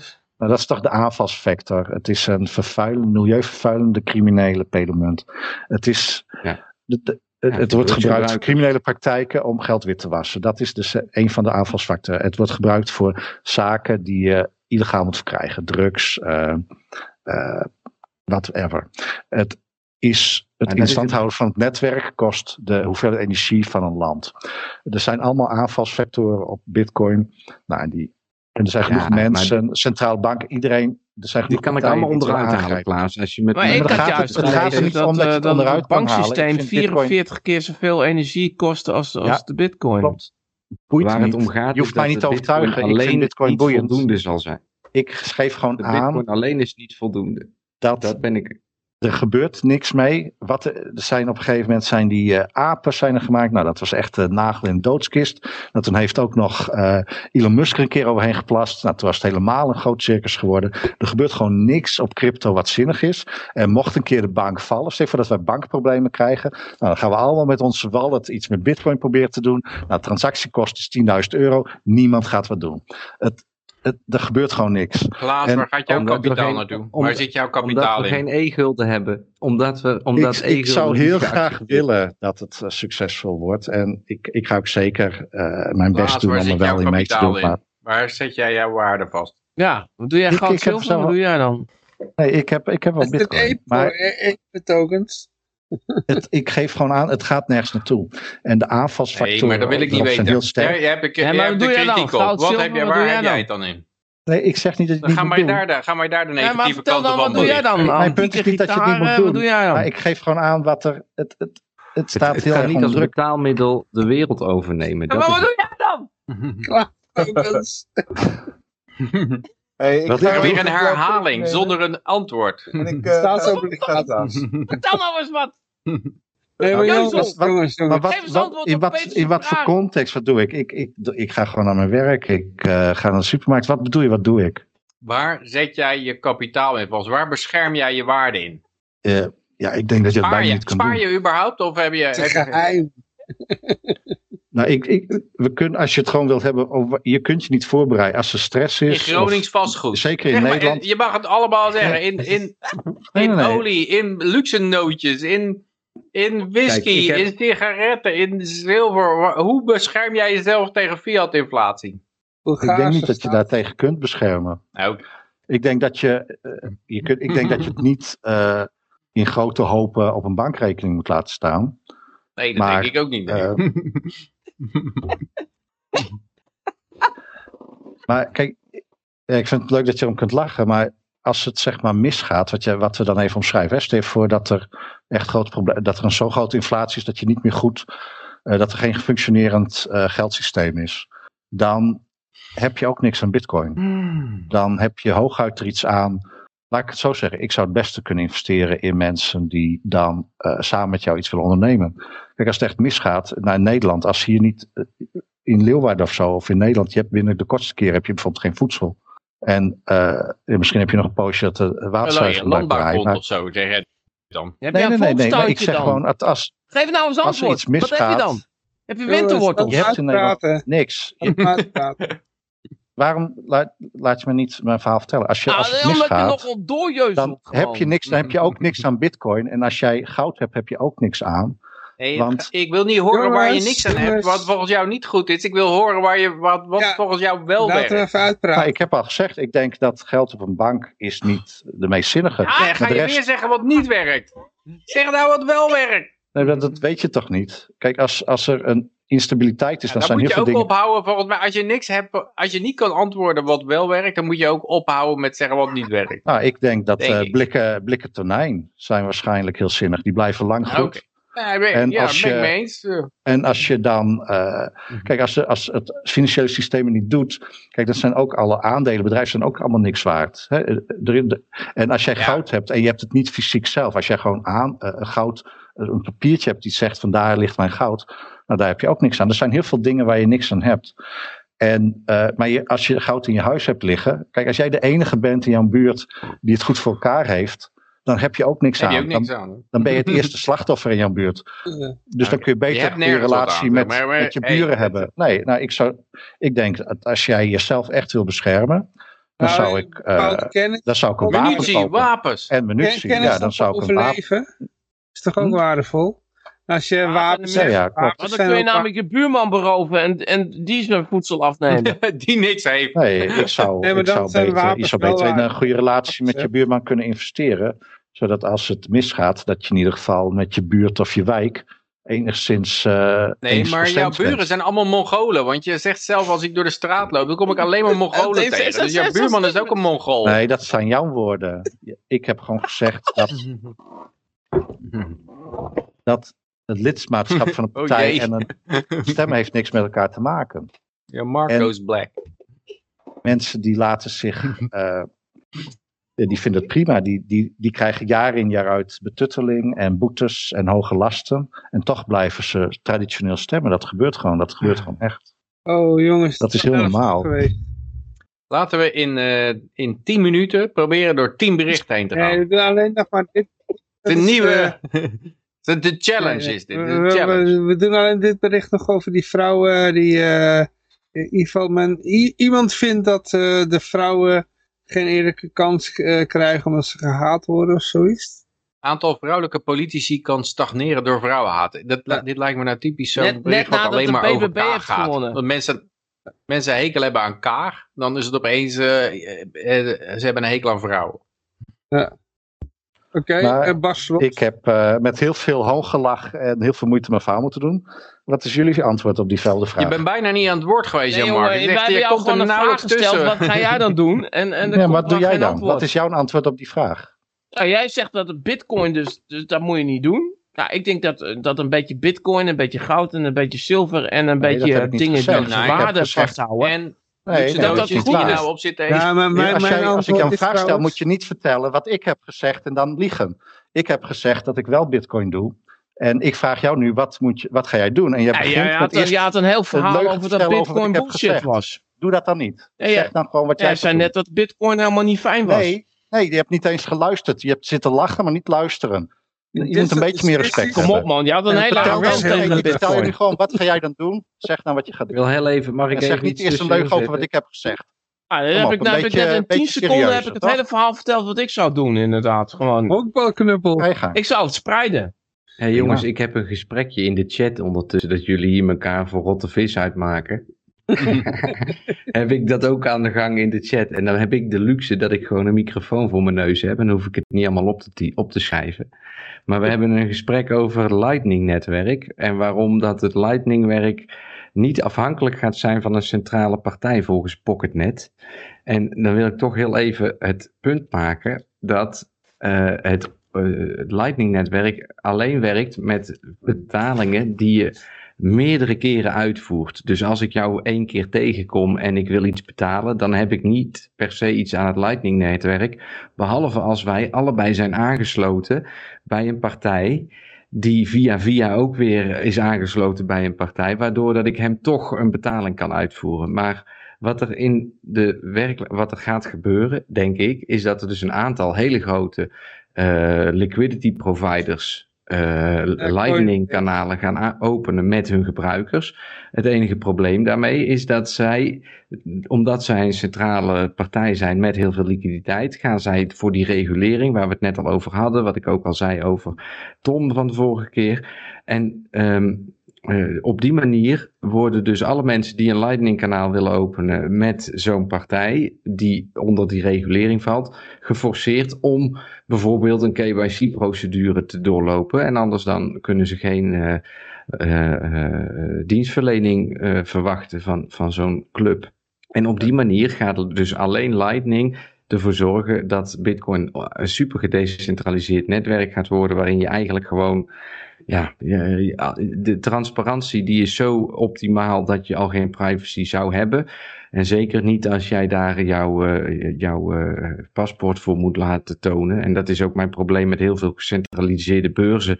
Die uh, bijvoorbeeld een Binance, waar je alleen nog maar kan handelen als jij je paspoort laat zien. En ook ik ben ooit begonnen met een Mount Gox, waar je dus alleen met een paspoort terecht kon. Alleen, ja, uiteindelijk is dat wel waar je van af wilt stappen. En als je dus als alleen maar op dat bitcoin blijft zitten, dat is ten eerste nooit voldoende om de hele wereld van allerlei. Dit is zo'n gecompliceerde economie, dat is veel te veel transacties. Uh, en nou ja, nou ja, wat wilde ik er verder over zeggen? Dat er zijn gewoon veel betere oplossingen dan alleen maar vast blijven hangen aan één bitcoin. Als je het echt wil decentraliseren, dan, dan laat je het dus verbreden. En dan is bitcoin inderdaad de gouden standaard van een nieuwe economie. Maar daar, daaronder hangt dus, ja ja, whatever. Het mooie van al die andere cryptos is, uh, je kan het even door een mixer gooien en uh, nog een beetje heen en weer laten gaan met allerlei uh, altcoins. En dan, oké, terugsturen naar een of andere adres en dan uh, weet niemand meer waar het vandaan komt. Ja, en er wordt nou mij verweten dat ik in een hypothetische waarheid geloof en dat het uh, nooit gaat gebeuren. Maar ondertussen is, Hepatitische ja, waarheid. Ik ben ja, ontzettend hepatitisch. maar uh, ondertussen werkt het al vier jaar. Nou, ik heb nog nergens met Lightning kunnen betalen. Behalve één keer toen ik op een plek was waar, uh, waar, waar dan een, een voorbeeld werd gegeven van hoe je met Lightning kon betalen. Maar er zal, er zal niemand zomaar dat gaan starten. En ook als het dus eenmaal wel gereguleerd is, laatste punt, dan gaan de mensen niet hun eigen Lightning kanaal openen. Ze openen een account bij een centrale partij, geven hun paspoort en die gaat voor hun een Lightning kanaal eh, onderhouden. Mensen die, hebben, eh, die, die zijn niet eens eh, een maximalist of zo. Die hebben dan toch maar voor, ja, van, ja, laat het maar doen, weet je wel. Die hebben dan een Lightning kanaal. En daar hadden ze een half jaar voor nodig om een Lightning kanaal te openen. Gewoon, eh, dat, is zoveel, zo ingewikkeld. Dat je echt Ja, denkt nee. van, jezus, wie gaat dat nou doen?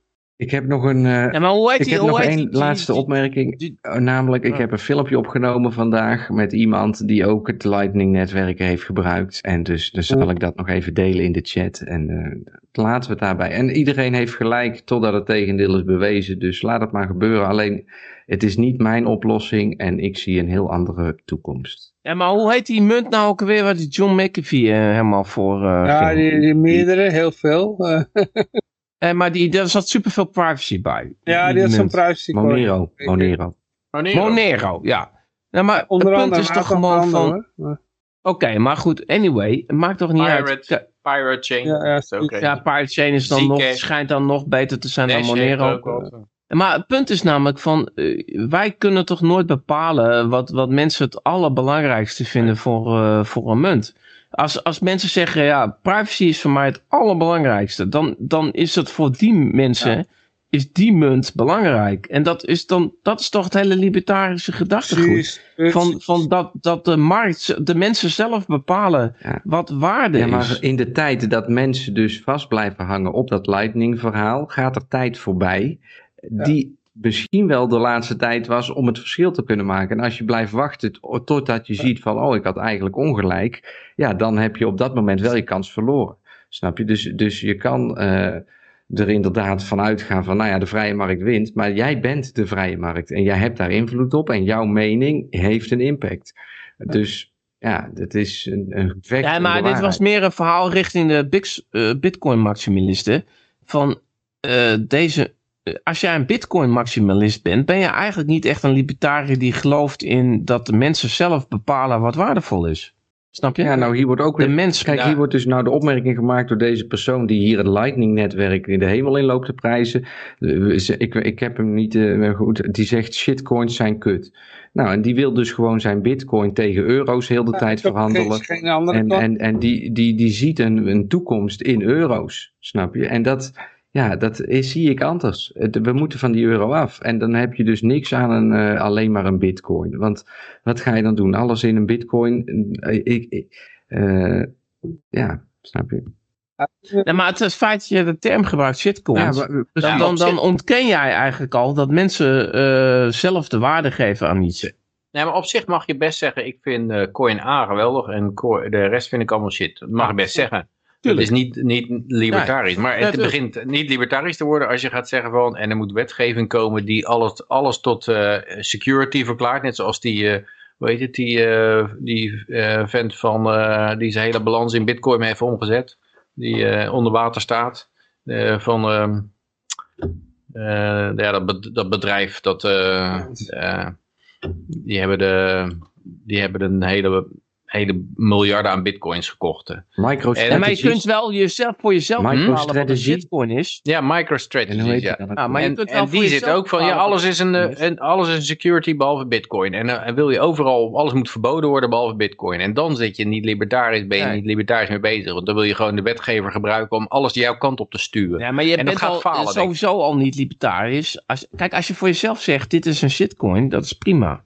Maar als jij het is- algemeen maakt het punt dat, is, een, de dat, echte dat het een shitcoin is voor iedereen, Het echte shitcoin dat kan is jij nooit euro. zeggen. Dat is het hele Nee. punt. Als jij alle andere altcoins gaat uitmaken voor shitcoin, waar ben je dan van aan het promoten? Dan ben je dus aan het zeggen, eigenlijk is dit één grote bullshit en je moet gewoon in je euro blijven geloven, want de rest is allemaal shitcoins. En, en ja, ik kan duizend en één argumenten aandragen Ja, waarom bitcoin niet ideaal is. Hij zegt Alleen, ook nog, wat, eh, wat lul je, Yoshi? ja, wat Ik lul ik. zo Ja, ver.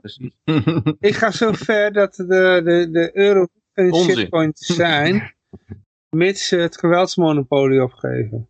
Snap je?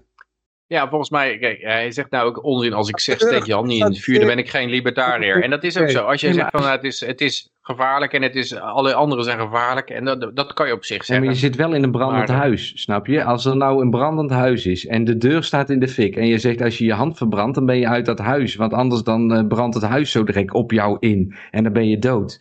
Ben je dan, eh, dat is dus, ik wil het op die manier vergelijken. Je bent mensen eh, aan het negatief aan het maken over een crypto-geldeconomie die aan het opkomen is, die iedere steun kan gebruiken, omdat er van alle kanten het wordt aangevallen door media, door allerlei bullshit-narratieven die, eh, die er overheen worden. We hebben ze allemaal gehoord, de pedo, de, de drugsgebruiker met weet ik het wat allemaal. Dus, eh, en in die, in die eh, setting ga jij in de tijd dat er een covid-pandemie en een weet ik veel wat, ga jij eh, eh, lekker over de rest praten als shitcoins, want de enige goede munt is bitcoin en de rest zijn shitcoins. Terwijl dat de echte, het echte gevaar is die euro en dan zo direct zijn al die Nederlanders die om jou heen wonen, waar je gewoon elke dag mee te maken hebt, omdat je ze tegenkomt op straat, die hebben ineens geen geld meer om eten te kopen. En dan moet jij zo fijn met je bitcoins iets gaan proberen te doen. Daar heb je dus helemaal geen fluit aan. Je moet proberen om het een werkbaar alternatief te maken, zodat je op een zo soepel mogelijke manier kan overstappen in iets nieuws. In plaats van op die manier frictie te gaan veroorzaken. En, en, Nou, ik vind wel als het eh, zeg maar de, de e-gulden eh, show wordt, dan eh, moeten we inderdaad wel zeggen bitcoin en de e-gulden.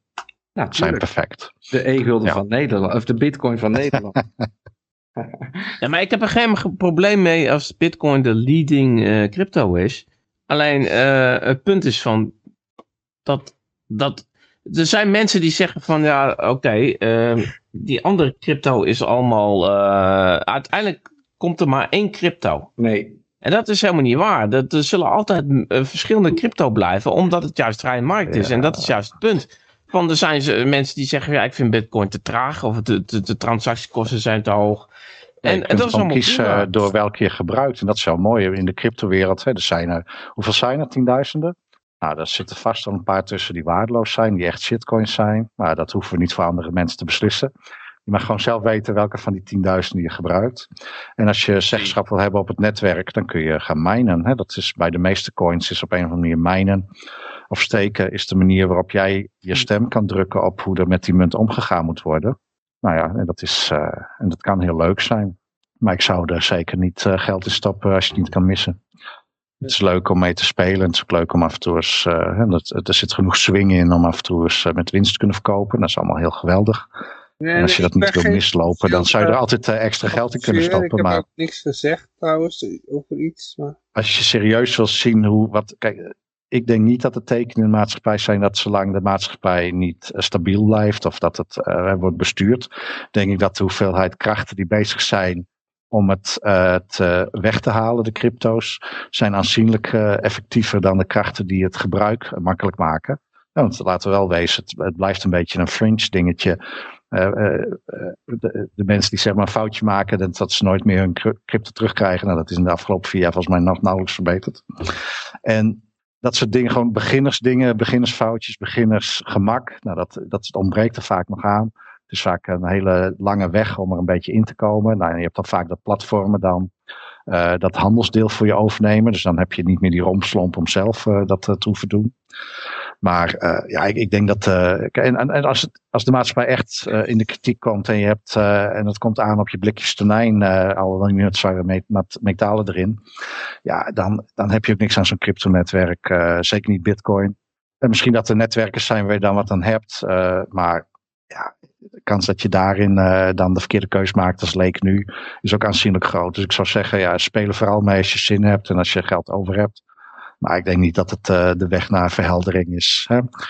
Het is eh, het, ik denk dat het moeilijk is als je zoekt naar een manier van, ja, hoe kan, kunnen we in de samenleving waar ik zit, in het leven wat ik voor me heb, hoe kan ik zinnig eh, iets qua vrijheid betekenen? Ja, dat is misschien een, een moeilijk vraagstuk waar geen antwoord op is. En waarschijnlijk is het antwoord, het bestaat niet. Je, de vrijheid gaat achteruit. En er komt een moment in de nabije toekomst waarin het nog slechter is dan het nu is. En dat we Ik terugkijken denk naar... dat dat een hele goede partij is. Ik denk dat die heel veel stemmen gaat trekken. Dus, Ja, maar- ja, er is niks maar- aan te doen. We gaan eh, alleen maar, ik- het gaat alleen maar down. De vrijheid gaat Ja, maar achteruit. ik je kan ben, je ik ben niet de verdedigen. grootste deze Misschien kan eh Yoshi hier antwoord op geven. Maar het is, dat, het is natuurlijk wel zo van... ehm, je, in, in bepaalde landen kan het onmogelijk zijn om bitcoin in te wisselen in ander geld en daar weer iets mee te kopen. Maar hoeveel landen hebben we in de wereld? Ik bedoel, de, er zijn toch altijd mogelijkheden om, Nigeria kun je dan natuurlijk. om, om je geld, om je bitcoin weer ergens anders in te wisselen in iets anders en daar weer iets En anders voor te kopen. Ik bedoel, dat het is toch ook verkocht wordt, wordt ook overal verboden. Als ik hier op de straat ga roepen, ik wil eh, bijvoorbeeld, eh, ik noem maar even iets, hè. Om, Ik wil koken. Ja. Ja, ik wil ook. Dan zal het er ook binnen een- nu en een paar uur, of ik ben gearresteerd. Coca-Cola heb- krijg je dan. Hè? Nee, maar Ja, maar Johan, Johan heeft volgens mij is degene geweest die volgens mij allemaal dingen heeft gedeeld met eh, waar jij bijvoorbeeld bitcoin gewoon eh, met andere mensen kunt verhandelen. En, de- en, en die kopen dan gewoon jouw bitcoin. En, en dan heb jij Ja, gewoon geld en dan kun je weer andere dingen kopen, toch? Zo, eh, dat ja, zo leef ik al bijna tien jaar zonder bankrekening. Nou, is Ik bedoel, je kunt wel zeggen, we gaan het allemaal verbieden in deze landen en eh, EU. Ja. Maar ja, hoe, eh, het blijft nog steeds een waarde hebben. En je kunt nog steeds verhandelen, toch? Nou, en zoals Yoshi zijn er maar liefst wel honderden mensen in de hele wereld. Ja, die ken ik Nou, allemaal. dat is Nee, een maar beetje Johan- de niche waarin wij Johan stemmen. heeft allemaal gewoon hele websites Hey, met mensen die allemaal gewoon FVD. met elkaar handelen. Die stemmen allemaal ja, FVD. ja, en Mark, ik je bedoelt dat eh, local zijn. Crypto. Ja, jij hebt toch gewoon van die, van dit, dat je gewoon eh, met mensen in contact kan komen waar je gewoon je crypto kan verhandelen. Een soort dating site voor de cryptobezitters. En dan kun je met elkaar eh, crypto delen. En eh, zijn, eh, sommige... Je kunt het altijd weer kwijt voor iets anders, voor een ander bepaald valuta. en dan kun je dan weer... Naar, eh, zeg je, ik heb een bank, bankaccount en het gaat om kleine bedragen. Dan maken ze dat over. Eh, ja, dan moet je onder de 100 door. Het lijkt mij ontzettend bij- moeilijk om gewoon crypto helemaal nooit meer kwijt te kunnen. Want je, dat het helemaal nergens meer... Dat, dat lijkt me een hele uitdaging voor, voor alle regeringen en al. En misschien Het is gebeurt het wel eh, Die maar... crypto blijft bestaan. Eigenlijk is dat de hele Ja. truc. Je moet het zo grote uitdaging mogelijk maken voor ze. En Klaas zegt, uiteindelijk ga je dat toch verliezen. Ze komen uiteindelijk zelfs je luxe nootjes in beslag nemen en je blikken tonijn. Maar je moet het eh, zo moeilijk mogelijk maken. Ja, maar ik ben het wel eens met Klaas dat je niet helemaal 100% eh, in, in één ding moet. In, de, crypto. tuurlijk. Nee. Lijkt me Je, je, het kan altijd mislopen, maar dat kan, goud en zilver kan ook verboden worden. In, in de Verenigde Staten was het 1933 tot 1971 of zo. eh, dus eh, dat- dat- als je dan tegen het eind van je leven in de, in de, in de goud zat, dan eh, kon je het ook niet meer kwijt. Legaal tenminste. Zoiets kan ook gebeuren met bitcoin. Ja, er zijn altijd omwegen. Je kan het altijd omzeilen. Kijk, als jij Ja, het punt is met, jij- met bitcoin wel, met goud kon je nooit de grens over. Je kon het land niet uit. Ik geloof dat Johan in slaap valt. Die, die, Ja, eh, ik ben het nog. Ik ben het nog. Maar- met, met eh, goud kon je waarschijnlijk niet de VS uit om het, om het ergens anders te gebruiken. Omdat je dan ja, door de scanner heen moet, zeg maar. Maar met bitcoin, dat is wat moeilijker. Dus eh, ja, ik weet niet. Kijk, als je veilig bent. We gaan het allemaal zien. Dat zou eventueel kunnen, maar dan nog steeds, als er heel veel shit is, dan wordt het netwerk gewoon overbelast door iedereen die het dan wil gaan gebruiken. Nou, dan is het voor alle praktische dingen toch niet bruikbaar. En denk als het- jij zeg maar in een taxfarm overbelast wordt of zo. Maar ik denk dat het land waar je naartoe gaat, dat het daar dan allemaal heel duur is. Als dat het enige goede land is waar je nog Precies. terecht kan, dan zal het, dan zal het eh, ja, dat heeft natuurlijk zijn, eh, zijn gevolgen. Voor in- inflatie qua, qua bitcoin en, en huizenprijzen daar en zo. Als jij, ehm, als jij gewoon nog in een onveilig land woont, gewoon waar een overheid of nog een groep machthebbers is, machtclaimers, ja, dan eh, gaan ze jou gewoon net zo lang eh, onder handen nemen totdat jij eh, private keys lekt. Dus ja, het, het- dat, wat dat betreft maakt het niet uit. Wat er, dan zou je op een of andere manier alle KYC's moeten omzeilen. Inderdaad, dat geld opzij zetten. Dan heb je bitcoin. Nou goed, als jij dan in een land leeft waar eh, nog een entiteit eh, macht claimt en eh, eh, probeert eh, eh, ja, eh, in de gaten te houden en in de gaten houdt wie wat voor soort welvaart heeft. Het is, eh, het is een hele moeilijke route en eh, ik weet niet of dat. eh, Maar jij zegt waarschijnlijk op een gegeven moment, als het zo wordt, dan is het niet de moeite meer waard, dan kap ik er gewoon mee. Ik denk dat, je, dat er misschien wel battles zijn die nog te winnen zijn, maar ik weet het niet. Ik denk Niet dat. eh, Eigenlijk, Ik denk- eigenlijk eh, verloren zaken. nou, weet ik niet. Want waar zou jij naartoe gaan? Waar, waar zie jij voor je. Nee, ik, ik weet niet, nog- ik, ik weet het ook niet. Ik, ik, maar ik denk dat een boodschap van hoop in ieder geval beter verkoopt. En ik, ik, ik, ja, ik ben zelf ook wel eens negatief, maar ik heb toch altijd het idee van, ja, zij zijn ook niet al oppermachtig en zij kunnen ook niet alles centraal plannen en ja. helemaal eh, eh, eh, jaren vooruit zien. Ze, ze zien ook wel eens wat over het hoofd. En het wordt steeds ingewikkelder voor ze, omdat ze op een gegeven moment op tien, fronten oorlog voeren. En ja, ik, ik denk niet dat het alleen maar downhill is. Nee, ik snap. Kijk, waar ik me dan zorgen maak. Normaal gesproken, als we even in de ouderwetse wereld denken, gewoon van een centrale macht. Kijk, dan denk ik uiteindelijk, hè, als er shit is en eh salarissen worden niet betaald. of er is genoeg eh, eh, rampspoed in de economie. ja, dan wordt de politie ook niet betaald, het leger wordt niet betaald. En eh, ja, die gaan er misschien roven of zo. Maar er zijn veel meer normale mensen dan machthebbers. En dan, eh, je hebt gewoon een hele samenleving, je hebt buren. Nou, dan kan het eh, maar net zo goed uitpakken. Dat, dat hoeft niet altijd heel slecht te worden. Het kan ook zijn dat je, het kan ook een soort gem- gemeenschapszin, eh, zeker als er zeg, niet echt nood is qua voedsel en drinken, kan er ook een soort gemeenschapszin zijn dat je gewoon met elkaar probeert er wat van te maken. Je krijgt een bericht van Flabbergast, speciaal voor Klaas. You're not alone, help is available 9888. ik weet niet wat dat betekent. Geen idee. Nee. Maar ik ben heel optimistisch. Maar ik denk dat, eh wat, er zijn ook mensen die van mening zijn dat er Hmm. te veel, eh, dat er te veel mensen op de planeet zijn. En die mensen die krijgen wel steeds meer ehm, geavanceerde speeltjes om dat beleid uit te voeren. Ja, dus als zeg maar. Ja, maar de eh, onderdanen krijgen ook steeds meer geavanceerde speeltjes om zich er tegen te verzetten. Dat zou Johan, die zit met zijn. handen te schudden. Houd Johan, als je slaap. Het is echt een... Johan, maak er een eind aan. Maak er een eind aan, Want het is echt, het is niet meer om aan te zien dit. Je valt straks om. Het is Oh man, ik, het is erg. Ja, het is half twaalf. Ik moet morgen weer vroeg op. Ja. hey, doe de tune erin. Gooi je gewoon de tune erin. Volgende week praten we verder. Of oh, anders doen we maandag weer een uitzending of zo. Zullen we gewoon maandag de rest van de berichten doen of zo? De berichten. Ja. Ja, dan word je verouderd, Tanje. Ik denk dat tien we nieuwe banken hele dan. bang- Ja, dan hebben we wel weer een paar nieuwe berichten. En dan gaan we daarna donderdag weer verder. Maar eh, ik, ik maak er een eindje aan. Ik eh, wil iedereen danken voor het eh, luisteren. Uiteraard de luisteraars danken voor het eh, luisteren. Eh, oh ja, wij moeten gedankt worden voor... De, ik weet het ook niet meer. Maar goed, eh, volgende week zijn we weer. En misschien maandag of zo. Eh, ik zou zeggen Toedeledoki en hartstikke idee. En wat was het, die eindtune knop hier? Oh, hartstikke idee. Ben je wel trusten, Johan? Ja, wacht, Mhm. nog een keer. Ja. De eindknop heeft er geen zin in. Nou, dan moeten we nog even doorgaan dan. Nog Ja. een half uur. ik weet het ook niet meer. Jongens, we gaan gewoon door tot eh, maandag. We gaan door tot We gaan maandag. door tot maandag. Technische problemen. We blijven maar zitten. ik, ik, had nou een technisch probleem bij de Vrijheid Radio. Marathon uitzending. Ja, we hadden technische problemen. Ik moest heel het weekend heb ik achter de webcam gezeten. hey, jongens, wel rust allemaal. Doei. Lekker Hoi. Ja, wacht even, Peter. Ik wil nog wat vragen. Maar oh, is die alweer weg? Hij is alweer weg. Oh, fuck. Ja, ik eh, stuur hem wel een persoonlijk bericht. Hey, jongens, eh, doei doei. Hey, hoi. Hoi, hoi. Ja, je mag nog blijven hangen, maar ik zet even de... Alles, eh, alles stoppen. Eh, even kijken hoor. Is er... eh, Ik doe het even handmatig. Kijk hoor, is alles stop? Ja, alles is stop. Oké. Oh, is iedereen alweer weg? Oh, nou ja. Fuck. Nou ja. Oh, jij bent er nog, ja. ik wil eigenlijk Peter nog wat vragen, maar goed. Die, is- die is alweer weg. Ja, jij, jij zegt elke keer, Peter, het duurt maar tot 11 uur. En dan zijn we klaar. Dat is wel de bedoeling, maar... eh Ja, mij maakt het niet uit. Ja, mijn, elf uur zo slopen, zwaaien, stop nou. mijn, buren, mijn buren vinden het wat minder leuk. Maar goed. Ja, ja, Zal ik nog even het. een potje risken?